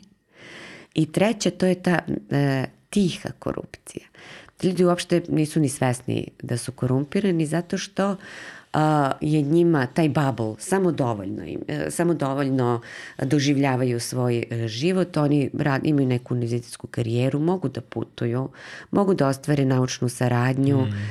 iako znaju u čemu žive, jer to možete da čujete na hodnicima fakulteta, neće se pokrenu da ne bi narušili svoj komfor. Ja isto to smatram korupcijom. Ne možeš ukoliko si svestan društva u kome živiš, a dobio si od ove države i od ovog društva i školovanje, i karijeru, i ugled, mm -hmm. ne možeš tom društvu da ne vratiš ništa. A to, to masovno se radi. Intelektualci moraju biti društveno angažovani. Tačno. Inače nisu intelektualci. Mm -hmm. Inače su, ne znam, stručnjaci za ovo ili ono. Nisu intelektualci. Da li je, da li je taj intelektualni uh, segment zapravo ključan u povratku ljudi u Srbiju? Mislim da da. Mi sada imamo egzodus ljudi koji imamo su obrazovani. Imamo već duže, ali... Autobus dnevno, otprilike mm -hmm. Ja sam to govorio poslednjih deset godina. Jeste, jeste. Uh, sama atmosfera ovde je mm -hmm. katastrofalna, a uh, posebno je katastrofalna za ljude koji su obrazovani. Dakle, ovde može neko da ima i dobru platu i da mu nije loše, ali neće živi više ovde u ovom ludilu, mm -hmm. u mhm. tome da nas prave budalama i magarcima svaki dan, da nam prezentuju jedno, a potpuno je suprotno, znači te laži, ta agresija o kojoj smo pričali, primitivizam, ljudi neće u takvoj atmosferi da žive. Mm -hmm. E, to je bitno promeniti. Dakle, uh, ja mislim da za početak to neće biti tako teško. Samo ukinete realitije, mm -hmm. samo uvedete uh, pristojnost kao uh, imperativ u javnom govoru. Mm -hmm. Nema tuča u javnom prostoru, odnosno na televizijama. Reality jednostavno mm -hmm. izbacite. To vre, ponudite neki drugi sadržaj ljudi ne bi ni primetili da su uplovili u neke mirnije vode. Naravno, to nije tako jednostavno i nije tako, kao što sam ja sada rekla, zvuči jednostavno. Nije uopšte, nije zato što ja sam uplivao trajno. u druge vode, ja sam u mirnim vodama, ja sam uplivao u situaciju gde sam pričao potpuno normalno i prijatno, uh, u ambijentu gde je zadruga bila utišana, ali se blago čula. Ja sam pričao o lepim stvarima i kada sam ustao da, da sipam sok, ja sam shvatio da mi je u stomaku nervoza i ne, razumem zašto, zato što smo, a pričali smo o lepim stvarima, ja shvatim da je meni bio šum u ušima, taj jedan negativ. Ja razmišljam kako se ponaša onaj ko to gleda ceo život, odnosno ceo dan, ta izađe na ulicu i ono, potuče se sa komšijom. Jeste, jeste. I opsuje i šta se sve dešava u tim zadrugama, parovima, više ne znam ni šta tu sve. Ono šta se dešava na ulicama, kad taj koji gleda izađe. Taj, jeste, taj je... jeste. I taj govor je onda potpuno uobičajen, mm. jer to je na televizoru. Da, da, znači, da. to je govor na televiziji, znači to je prihvatljiv govor i kad izađem na ulicu ja ću isto tako da govorim. Da. Kad se to ukine, kad se negde uh, podigne nivo sadržaja mm. koji se prikazuje, ne znam, neće biti jednostavno, neće biti odmah, instant, ali mm. polako se uvodimo u neku normalnost. To je recimo jako važno da ljudi koji su obrazovani, koji neće žive u ovom divljaštvu, mm -hmm. da imaju uh, za početak taj moment. Drugo, da se uh, partijska država rasformira potpuno. Jer šta ćete vi kada je neki pametan, uh, obrazovan mladi čovek želi da se zaposli, a neće da ima uh, člansku kartu Srpske napredne stranke? To, to mi je posebno važno, zato što uh, vi ste majka deteta koje nije više dete, ali ove, koje je rođeno u periodu u te tri godine kada je jedini trenutak odstupanja od neke krive ovaj, neke krive opadanja ovaj, priraštaja u Srbiji. Jedino odstupanje od te krive je bilo od 2000. 2001. 2002. Mm -hmm. 2003. do ubistva Đinjića. To je, to je ta probuđena nada. Da.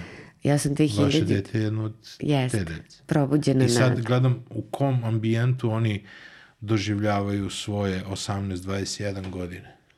U užasnom ambijentu, ali i oni su naučili da naprave svoje bable. Ja to sada vidim. Moj sin je jedan kulturan, pristojan mm -hmm. mladić i tako i njegovo društvo.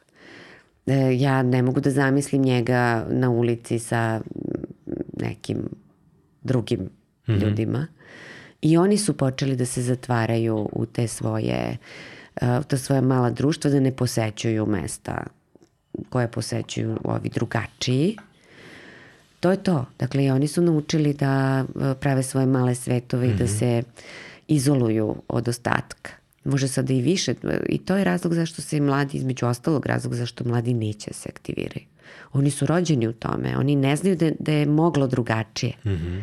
Oni misle da je to tako i da oni tu ništa ne mogu da promene, pošto je tako u Srbiji, ići će na drugo mesto gde je bolje. Aha.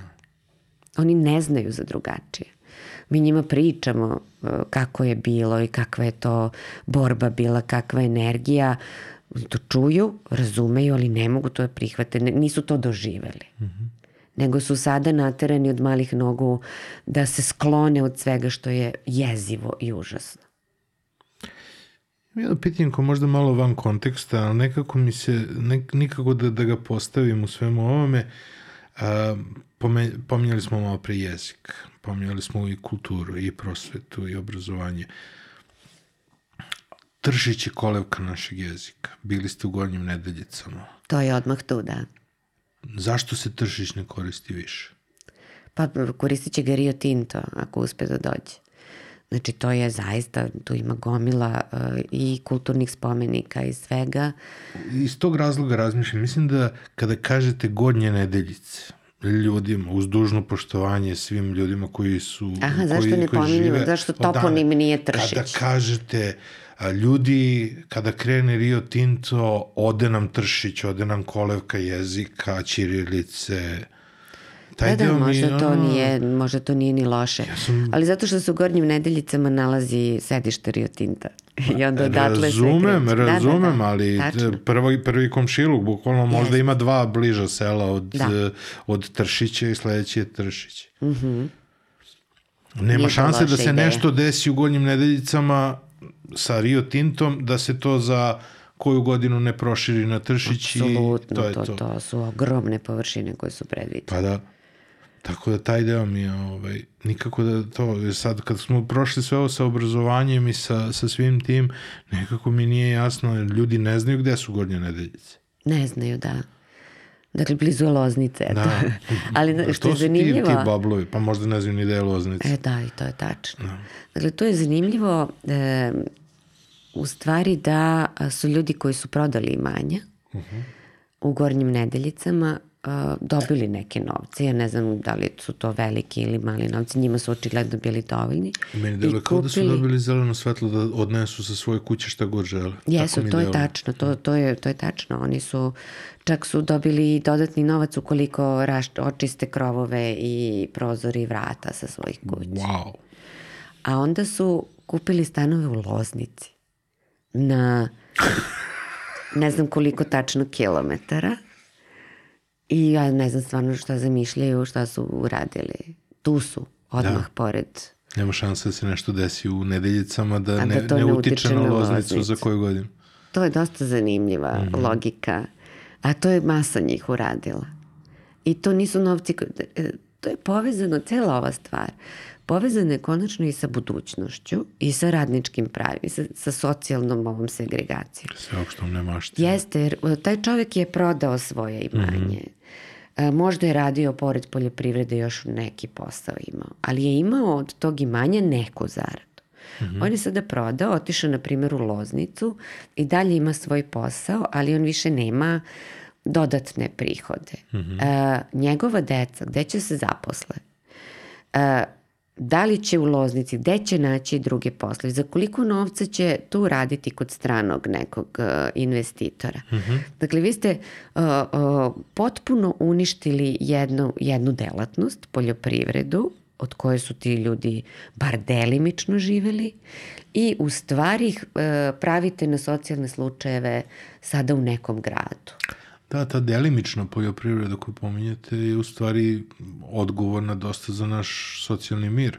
Mhm. Svako ima nekog, ne, ne mogu kažem svako, ali većina ljudi ima nekog svog na selu koji će da ti pošalje dva ajvara, dva pekmeza i ono džak krompira godišnje, pa si opet u, u nekom plusu. Pa jeste, ali tu je problem kod tih ljudi koji su poljoprivrednici. Da, da, koji žive Oni od toga. e, žive od toga, ali e, ono što se danas pre, zbog cena a, goriva sa akcizama, zbog toga što su subvencije e, 2012. su bile 12.000 dinara Mm. i mogli su dobijati za 100 hektara, onda ih je Vučić smanjio na 4.000 dinara i mogli su se dobiti samo za 20 hektara.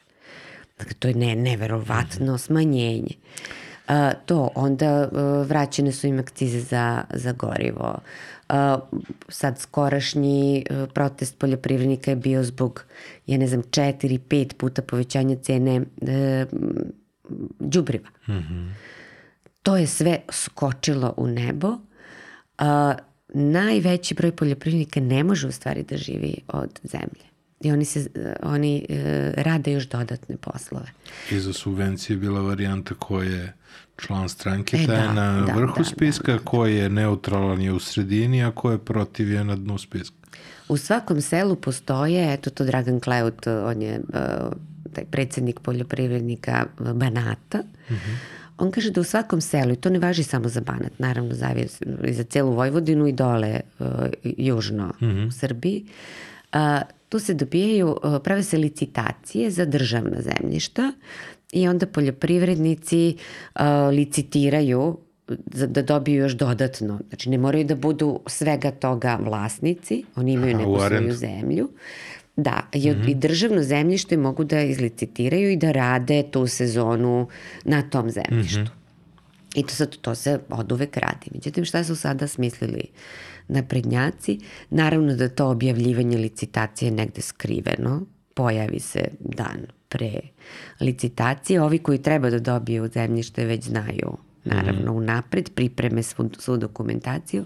Tako da meni Dragan kaže da u svakom selu postoji jedan ili nekoliko poljoprivrednika, naravno bliskih uh, SNS-u koji sada, koji sada dominiraju i koji su se obogatili. Aha. A pre toga su bili među lošijim poljoprivrednicima, na primjer, pošto se ti ljudi međusobno znaju. Mm -hmm. Dakle, opet partijska knjižica i dobiješ sve uh, beneficije. To se dešava. Mm -hmm. Postoji podatak da su ranije sa onim cenama i subvencijama do pre, ne znam, sigurno pre mm -hmm. 2012. jedna porodica mogla da živi od 20 hektara zemlje, sada ne može ni od 40.000 hektara.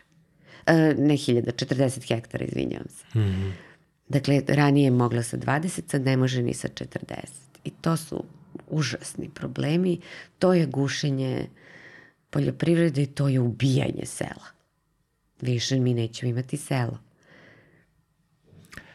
Meni je to interesantno kada vi to pričate kao evolutivni biolog. Ja sad zamišljam, sad dok vi ovo pričate, ja zamišljam kako biste vi kao naučnik to gledali iz neke budućnosti. Da li je to ono uh, prilagođavanje ambijentu da bi bio najjači, da bi post... Da li je zapravo to političko snalaženje postala nova alfa dominacija? Pa da, ima tu istine, mada ja izbegavam... Na foru je, na da, foru da, da. je, ali ni, ni ono... Ja izbegavam biološke analogije zato što uh, stvarno možemo da upadnemo u problem da smo mi programirani da budemo baš Da, tako. meni je jako smetala ovaj, analogija sa, sa košnicom juče. Stvarno? Ovaj, uf, strašno. Zašto? Zato što Zato što kad nema matice, kolonija... ugine, da, da, da. To, taj, taj deo mi je ono Jeste, zasmetao u jeste, startu, jeste. nikoga ali nije trutovi, pomenuo. Ali trutovi su tu bitna stvar. Da, količina trutova i radnica, radilica je sjajna, sjajna Jeste. analogija, ali porediti sa košnicom, ne bih volao da se poredim sa Da, da, košnicom, da, da, da, je je. toliko ono... Jer, mada je njihov politički o, njihov politički narativ trenutno je da se on ponaša kao matica da bez, Apsolutno, ovaj, da bez da, njega nema mrdanja. nema kolonije. Nema, nema ničega.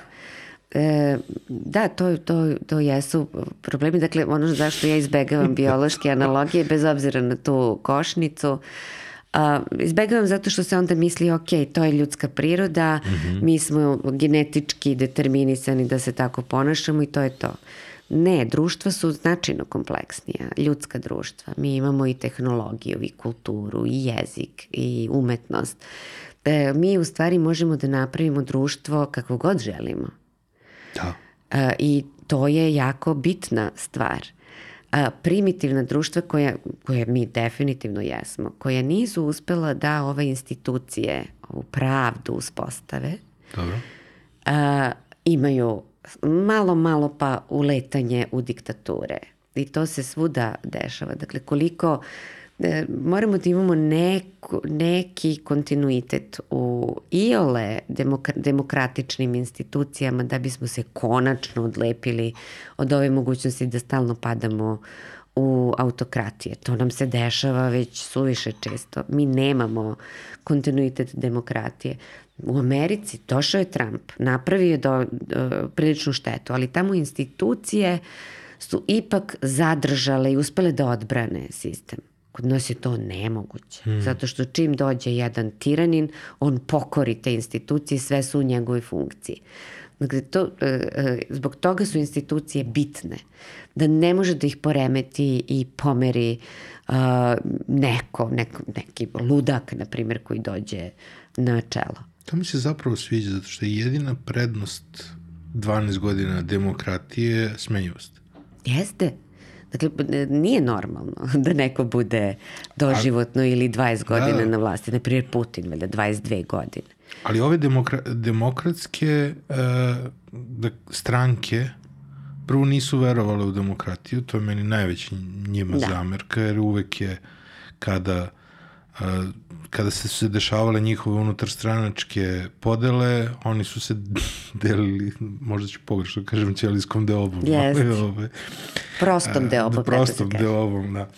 A, to je jedna stvar, a druga stvar što su ove neke stvari koje su sad usavršene, kapelarni glasovi i sve ostalo, sve su zapravo počeli sa njihovom nekom željom da na neki lep način osiguraju sebi političku dominaciju, ali ipak su ostali smenjivi, a sada je ovo jedan uh, je, jedno novo jedinjenje koje Da. je usavršilo apsolutno sve aspekte iz prošlosti. Za tih 20, za ovih 20 godina smo dok je ceo svet grabio recimo po 2-3 stepenika godišnje, mi ipak imamo neke promene. Postoje neke stvari koje se prosto dešavaju da su bolje. To je taj neki ono život koji sad neki ljudi ne bi želeli da ovaj, da, da odustanu od njega i dešavaju se neke sitne promene, ali mi smo sada već toliko zbog toga što smo mi hodali za po jedan stepenik, oni za dva, plus onih deset stepenika koji nam fale da. iz 90-ih, ozbiljno smo u, Ozbiljno smo u, u u zaostatku. zaostatku i društvenom i u svakom drugom. Ali to je zanimljivo, uh, dakle kvalitet ljudi koji su posle 5. oktobra došli je očigledno bio jako loš. Tu nije bilo ideje da Mhm. se ove ovog idealizma, demokratije, uh, promene sistema, to su bili ljudi koji su demokratiju shvatali, uzmem akcent tašnu i budem ja pijevac i to mi je demokratija. Ja sam tako imala uh, doživljaj. A, ti isti ljudi su i sada u vlasti. Mislim, gomila ljudi koji su bili u demokratskoj vlasti su i sada vlast. Vesić, Siniša Mali, ima raznih ministara koji su, ja sam već sad zaboravila, Vlahović, to su sve ljudi koji su sada bliski i ovi. Znači, tu se onda vidi da su to pogrešni bili ljudi i 5. oktobra. Hmm. To nisu ljudi sa vizijom bili. To su bili ljudi koji su želeli samo za sebe da prigrabe šta su mislili da im pripada. A u stvari im ništa od toga ne pripada. Što je njih, naravno, nije briga. Nije se tu ništa promenilo, e, e, čak u delimično ni personalno se nije promenilo. Mm -hmm. Samo je došao jedan autokrat, oni su se prilagodili njemu i nastavili business as usual. To tako otprilike meni izgleda. U jednom od svojih gostovanja ste pominjali da, da, da postoji svetski trend urušavanja obrazovanja i da ne odstupamo mnogo od toga. Kako možemo da se... Da se gde je naše obrazovanje trenutno? Kako možemo da se borimo protiv toga? Sa druge strane imamo taj problem. Su bukvalno škole postale mesto gde se deca čuvaju dok su roditelji na, na, na poslu. Pa čak nema ni tu, ne znam kakvu funkciju. Imamo decu koje idu u, boravak prvi, drugi razred. Mm. Posle toga se roditelji snalaze kako znaju i umeju. Iako moraju da rade. Znači u Srbiji se mnogo radi. Ne mislim na javna preduzeća, mislim na ljude koji stvarno uh, jako puno rade da bi uspeli da opstanu. Mm. I oni i njihova deca. I to je ogroman problem. U svetu stvarno postoji taj trend i to već dugo to je taj neoliberalni trend da je i obrazovanje roba mm -hmm. i e, način za, za dobijanje profita. Pa imamo u Americi koliko Uf, koštaju, uh, koliki su studentski krediti. Studentski krediti su kod njih baš onako Ja mislim da, da postoji neka, neka procena da je to najveći dug. Studentski krediti prema uh, tim različitim mm. koleđima, to ne može da se meri ni sa jednim drugim specifičnim dugom u strukturi duga Amerike. Ima nešto, neko, nešto u domenu regulative, da je to jedini valjda dug koji ne može ono da zastari, da se otpiše i ostalo. Tako su nešto Jeste, napravili. ljudi se stvarno muče. Uh, razlog je prosto, eto, to što je loša stvar. Mm. Uh, ok, ja ću da ti dam, ja ću da ti prodam znanje mm -hmm. da bi ti posle mogao da prodaješ to svoje znanje i zarađuješ. Ta vizija obrazovanja je pogubna. Mm -hmm. Ja uh, mislim da je obrazovanje nešto što država treba da uh, obavlja. Mm -hmm.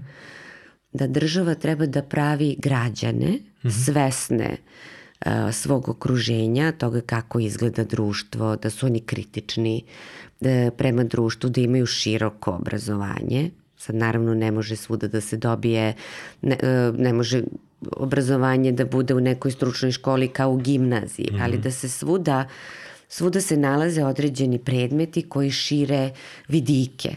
Da. To je uh, od ključne važnosti. Država ne treba da pravi uh, uske stručnjake za tržište rada. Zaista mislim da ne treba. Mm -hmm. Treba da pravi ljude koji imaju šire viđenje stvari, koji mogu lako da budu obučeni e, za određene poslove kada dođe neki poslodavac. Dakle, zašto bi država pravila za poslodavca radnike? Država treba da pravi građane. Mm. A poslodavac treba da uloži izvesno vreme da nekoga ko najbliže jeste specijalizovan za određenu oblast, da ga još malo douči. I to je po meni e, uloga državnog uloga države u obrazovanju.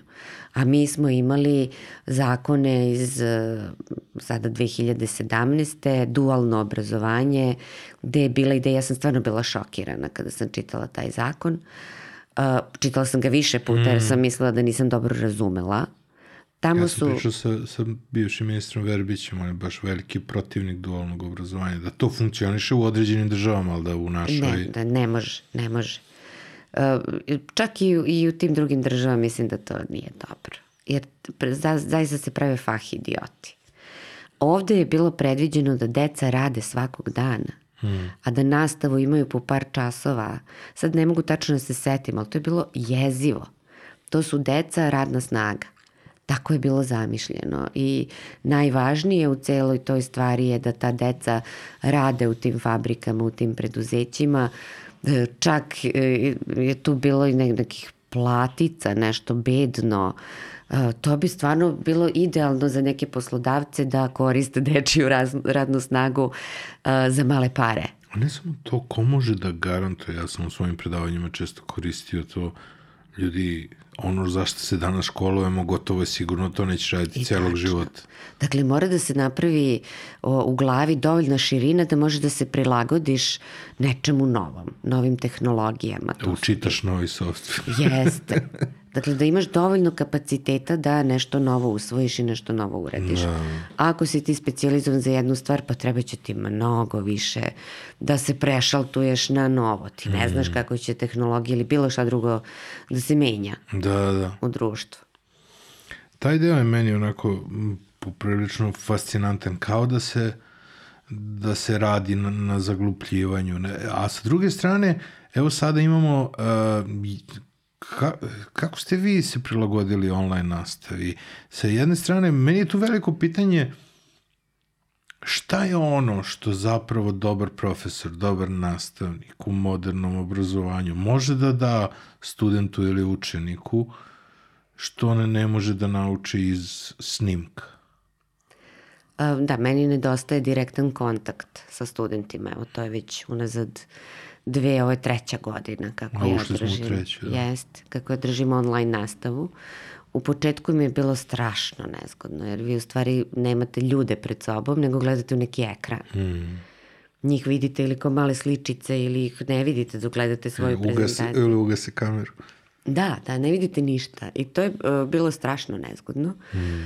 Da sam početak tih e, predavanja je, ja mislim da nikad gore u životu mm. nisam držala predavanja, ali vremenom e, se i na to naviknete. Ja sam, e, i rekla sam ja prešla to, prešla sam igricu, došla sam do drugog nivoa, da počinje da, počinje da uživam u toj priči sama sa sobom. Mm -hmm. Dosta šizofreno, ali uh, sve sam pokušala da im uh, da im pomognem. Mm -hmm. Snimala sam predavanje i dan danas ih snimam, onda im pošaljem te snimke. Uh, oni, naravno, moje predavanje su uvek bila tako da ja zahtevam neku dinamiku i neki razgovor. Nekad uspem, nekad ne, zavisno od strukture studenta koji su tu. Ovde je značajno to teže. Mm -hmm. Znači, zaista je jako teško. Onda im kažem, ok, svako ko hoće nešto pita, prokomentariše, uključi mikrofon i da se javi. I tako nekako funkcionišemo. Uh, Ali mi je problem što stvarno ta lica ja ne vidim. Mm. Vidim ih na ispitu prvi put. Da, obično su inicijali. da, da, da. Um, kako su njihove reakcije kad ste se kandidovali? Kako su njihove reakcije bile ranije kada ste bili u medijima? Uh, pa uglavnom studenti neće da komentarišu, ali je bila, ali bila jedna meni divna stvar, to je bilo jesenas u novembru. Moji studenti sa biološkog fakulteta prave svake godine studentski kongres koji se zove Simplast i to se obično dešava na Zlatiboru, mm -hmm. u onom studentskom odmaralištu. A, pozivaju me, ja otprilike svake druge godine odem i to su ozbiljno, ozbiljni kongresi, oni se za to pripreme, imaju čipove koliko su prisustovali, neće dobiti sertifikate mm -hmm. ukoliko ne prisustuju, onda imaju radionice, svašta nešto i to je mnogo lepo.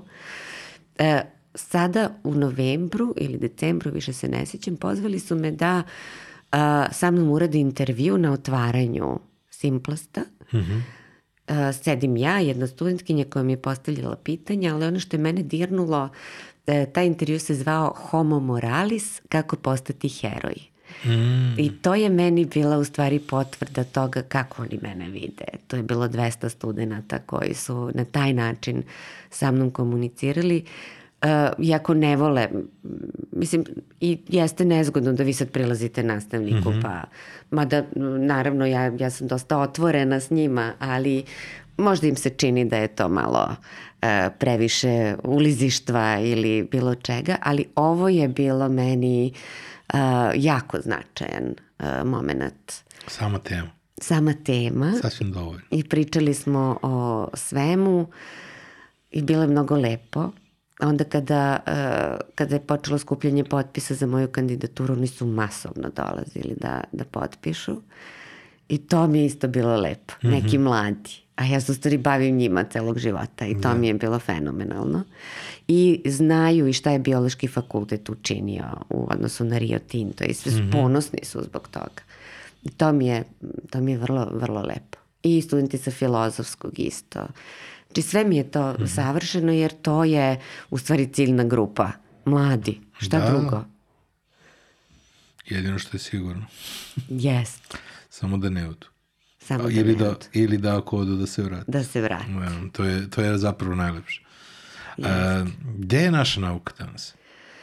Mi uopšte nismo loši. Znam da je ovo tema za poseban podcast, da, da, da. ali me interesuje uh, A, gledao sam neki drugi intervju drugih kandidata gde su neki drugi kandidati pohvalili ipak i neke, ovaj, neke stvari a, aktuelne vlasti u domenu novih tehnologija, nauke i svega toga. Da li imate bar neku onako, bar neki pogled pozitivan jer direktno je kabinet premijera učestvovao u tim stvarima? Kako to ja, ja sad dolazim iz jedne fundamentalne nauke mm -hmm. i to mhm. su ovi naučni projekti koji se bave uh, jeli pravom, ajde, pravom naukom koja može biti hard i soft, znači mm -hmm. ili prirodne nauke ili društvene nauke, ali koje nemaju proizvod. Mm -hmm. Ima i tehnoloških projekata. Nije se ova vlast proslavila. Mi smo umesto raspisivanja konkursa na svake četiri godine imali, imali projekte koji su trebali 11 godina. Dakle, ništa se tu nije menjalo. Mm -hmm. Ništa se oni nisu potrudili da tu rade. Uh, smanji, smanjivani su budžeti za projekte, ali mi se, naučili smo da se snalazimo. Naučili smo da imamo saradnju, pa kad nešto ne možeš sam da uradiš jer nemaš mm -hmm. uh, tehnologiju, onda se povežeš sa nekim drugim, ili u Srbiji ili u inostranstvu. Mm -hmm. to, to nekako premošćuje uh, celu ovu stvar. Uh, meni jako smeta ova sada situacija gde je koronavirus iskorišćen da se samo jedna grana nauke, iako ja jesam uh, biolog, ja jesam mm. iz te mhm. struke, da idemo isključivo na biotehnologiju, mm -hmm. a da sve drugo bude zanemareno. I ova uh, broj 3, čini mi se na listi SNS za jeste biolog. Mm -hmm. uh, ona je čak negde u jednoj emisiji izjavila da mi treba da imamo strategiju šta ćemo da e, da izgrađujemo, a šta nećemo. Dakle, gasiš grane nauke i ideš samo na jednu oblast. To nije dobro. Pa dobro, ima smisla ako je oročeno. Pa ja nisam sigurna da to može biti uh, oročeno. Mm. Ne znam, ali ja ne vidim ovde strateški da to... Kao, kao, kao u ratnom stanju. Ali kao što da delimo... Ovih par godina ajde da se fokusiramo na ovo, pa ćemo posle... Da, kao što da delimo uh, novac na više manjih, neki bi recimo dobili mm. više, nego ajde sve da ugruvamo u ali time se gubi nauka. Da, da. Razne druge oblasti. Meni to smeta, to nije dobro. Mm. Nije dobro za razvoj nauke i obrazovanja samim da. tim. Ne mislim da je to dobra stvar. Možeš negde više. pa konkurišeš i za neke evropske projekte za tu granu, ali nemoj druge uh, zapostavljati. Da, grevata, naročito ono, poljoprivreda, kombinacija sa, bi- sa institutima i pravi transfer toga na, Jeste, na privredu. što kod nas nikada nije zaživalo, nažalost. Samo u nekim malim nekim. Vrlo, vrlo ograničeno. No. Uh, kad malo ste pomenuli heroje, moram malo da pričam o Aleksandru Obradoviću. Bili ste aktivni tu sa njim. Jel vidite u nekoj budućoj Srbiji neku poziciju za, za njega? Gde biste volili da vidite njega? On je jedan divan i povučen čovjek. Jel bi mogo on da bude zaštitnik građana? E, Za to mu treba nek e, pravnici, ali bi mogao da bude savjetnik ili, ili nešto tako. On nije pravnik, on je Da, da. IT-evac. Uh, on je jedan predivan uh, čovek, vrlo skroman. On ne želi javnost. Dakle, ja kada sam pročitala u Ninu tada, kad je Vuk Cvić napisao u Ninu da jedan čovek je 20 dana pritvoren, da niko to ne zna, ja sam se šokirala. I to je bio trenutak kada sam ja pozvala ljude da dođemo ispred CZ-a, pozvala sam sve koje znam i ne davimo Beograd i tada su bili miliončići, odnosno jedan od pet miliona i to se proširilo po mrežama i mi tada jesmo došli. Prijavila sam skup policiji za narednih pet dana ispred centralnog zatvora. Mi smo se tu skupili, već sledećeg dana su odlučili da ga puste. Jer je to bilo, e, to je bio Pa pritisak. nisu ga pustili, pustili su Pustili ga u su kućni, ga u kućni pritvor. Aha. Da. Aj sad nakon- idite u Valjevo. Da. Nakon toga smo mi i dalje e, radili na tome. Prikupljali smo potpise da on izađe iz kućnog pritvora. To je bila jedna velika akcija po celoj Srbiji, jako dobra akcija. Javljali su se ljudi e, iz cele Srbije da im pošaljemo štandove, e, da će se oni aktivirati. Zaista svuda po Srbiji mi smo skupili, mislim, preko 30.000 potpisa. Sad mi je broj malo i izmakao. To za vrlo kratko vreme. To su oni fizički potpisi, ne online potpisi. E, on jeste pušten. Ja se danas sa njim naravno čujem i družim. Ne želim da ga koristim ni za jednu političku temu, što su neki skloni da rade. Ja ne želim. On je čovek koji je uradio to što je uradio, to je, on je heroj i ne treba da bude... Nisam ni ja želeo dok niste rekli malo pre heroj. Znači kad ste rekli heroj, onda mi je bilo ono, kad smo rekli ajde da ga... Da, ali ja sada vidim da on je, on je, on je toliko ljubak čovek da on ne može ljudima da kaže ne i onda neke, Ali on neka kad se pojavi opozicija na odlazi. protestu, to je nevjerovatno koliko to diže. Onako, Jest, ja jest. gledam kako se Njemu ljudi... je, to nisu situacije koje njemu prijeju.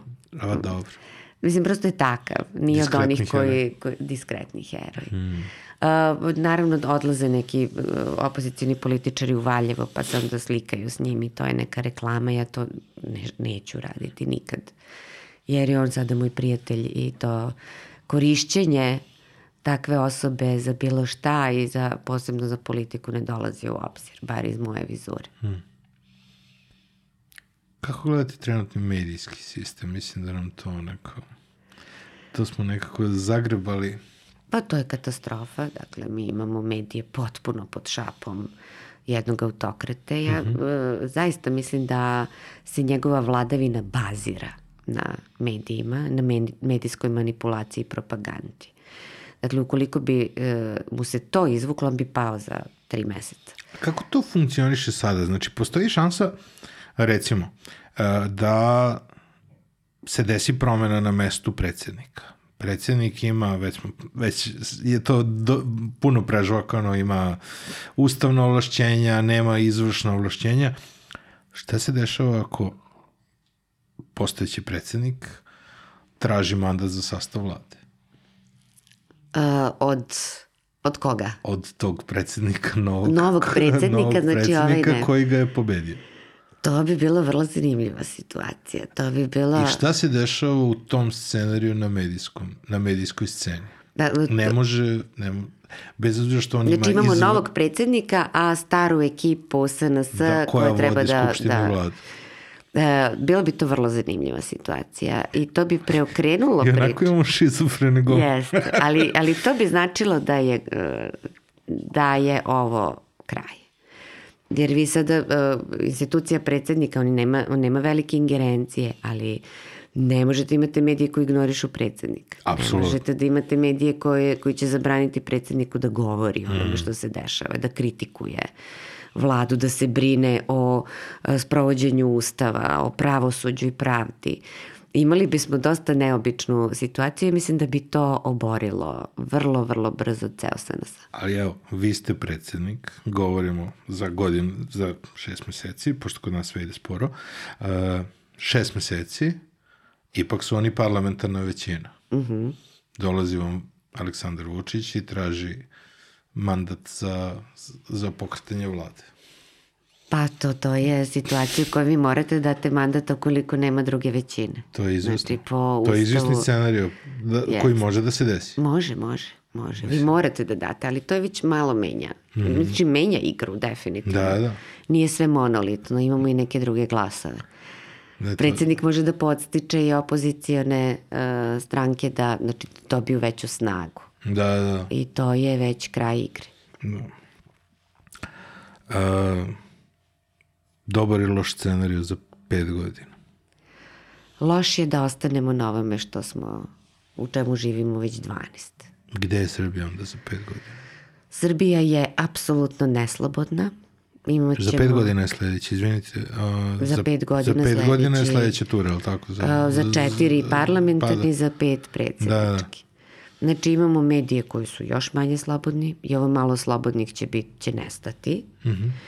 Znači to je ovaj loš scenario. Imamo opustošenu zemlju, pokradeno sve što se, oglodano sve što se može oglodati, jer to je manir ove vlasti. Mhm. Egzodus veliki. A, ukoliko prođu rudarske kompanije imamo a, promenjen reljef Srbije, ne, bez ljudi, bez e, biljaka i životinja. To je apokaliptični scenarij. E sad, za kraj. Ovaj lepši. Dakle, imamo e, nov, novu vlast. Imamo vlast koja brine o ljudima, a ne o profitu. Koja i profit gleda kroz dobrobit drugih. I to je ekonomski razvoj koji nije na uštrb ljudi, nego a, upravo zbog ljudi.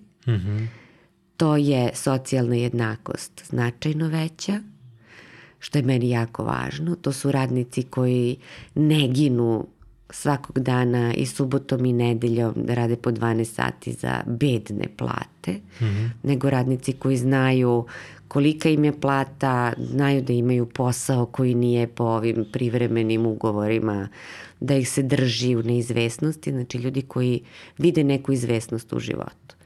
I to je n- najvažnije. Znači, mi živimo u stalnoj strepnji i stalnoj neizvesnosti. I to je najlakše za manipulaciju ljudima. Kada ljudima date sigurnost, kada znaju gde su, kada znaju uh, da će imati šta da pojedu, da će moći da otputuju negde, onda se već misli i o mnogo uh, lepšim stvarima nego samo o ne znam, realitima i toga, tome da li ću zaraditi za, za ne znam, hranu tog dana deci i za njegove knjige. Dakle, to je potpuno drugi, drugi koncept življenja i drugi sistem. Država za građane, a ne obrnuto. U slučaju promjena može to da se desi za pet godina? Da smo realni? Ili je to više scenariju za malo duži period? Može u dobroj meri, ne u potpunosti da Ima imamo dosta takav. da se uradi Ima u tih dosta. pet godina ako bi to išlo tim redosledom. Jeste prva stvar da mi lepo otvorimo sve te uh, tajna dokumenta, da pronađemo te ljude koji su pokrali, da se njihova imo- imovina zapleni, da oni budu procesuirani, a to znači slobodno pravosuđe. Da, već, da vidimo onda šta je sve ovde urađeno. Ja, ja se plašim da, će, da je situacija još gore nego što nama izgleda kada, u, kada se uđe dublje u... To mi je jako interesantna šansa ovih predsjedničkih izbora da novi predsjednik može da uđe i da kaže ovakvo je stanje stvari. Jeste. I da otvori sve karte pred taj deo je- građanima. Da, da li smo spremni da saznamo? Da li, da, da, da li bi, kad bismo bili izloženi tolikoj količini istine, Spremni, nespremni, to mora da se desi. da se suočimo sa realnošću? Mora da se, moramo da se, bit će to jedno teško buđenje, ali to je to. To mora da se desi. Hvala vam puno. Hvala vama. Evo, ovo je bio razgovor. Ovo je bio još podcast 1. Hvala vam što ste nas slušali, što ste nas gledali. Hvala sponsorima Beans Coffee, hvala MVP workshopu. Ja bih volio da je ovaj razgovor mog, trajao i četiri sata, ali takve su obaveze. Zakazujemo još neko druženje u nekom drugom vremenu, a kako će biti, zavisi od svih nas. Vidimo se u nedelju na izborima, vidimo se sledećeg četvrtka u sledećoj epizodi. Ćao, čao, bye, bye. Super. Joj, sad ću da zakasnim.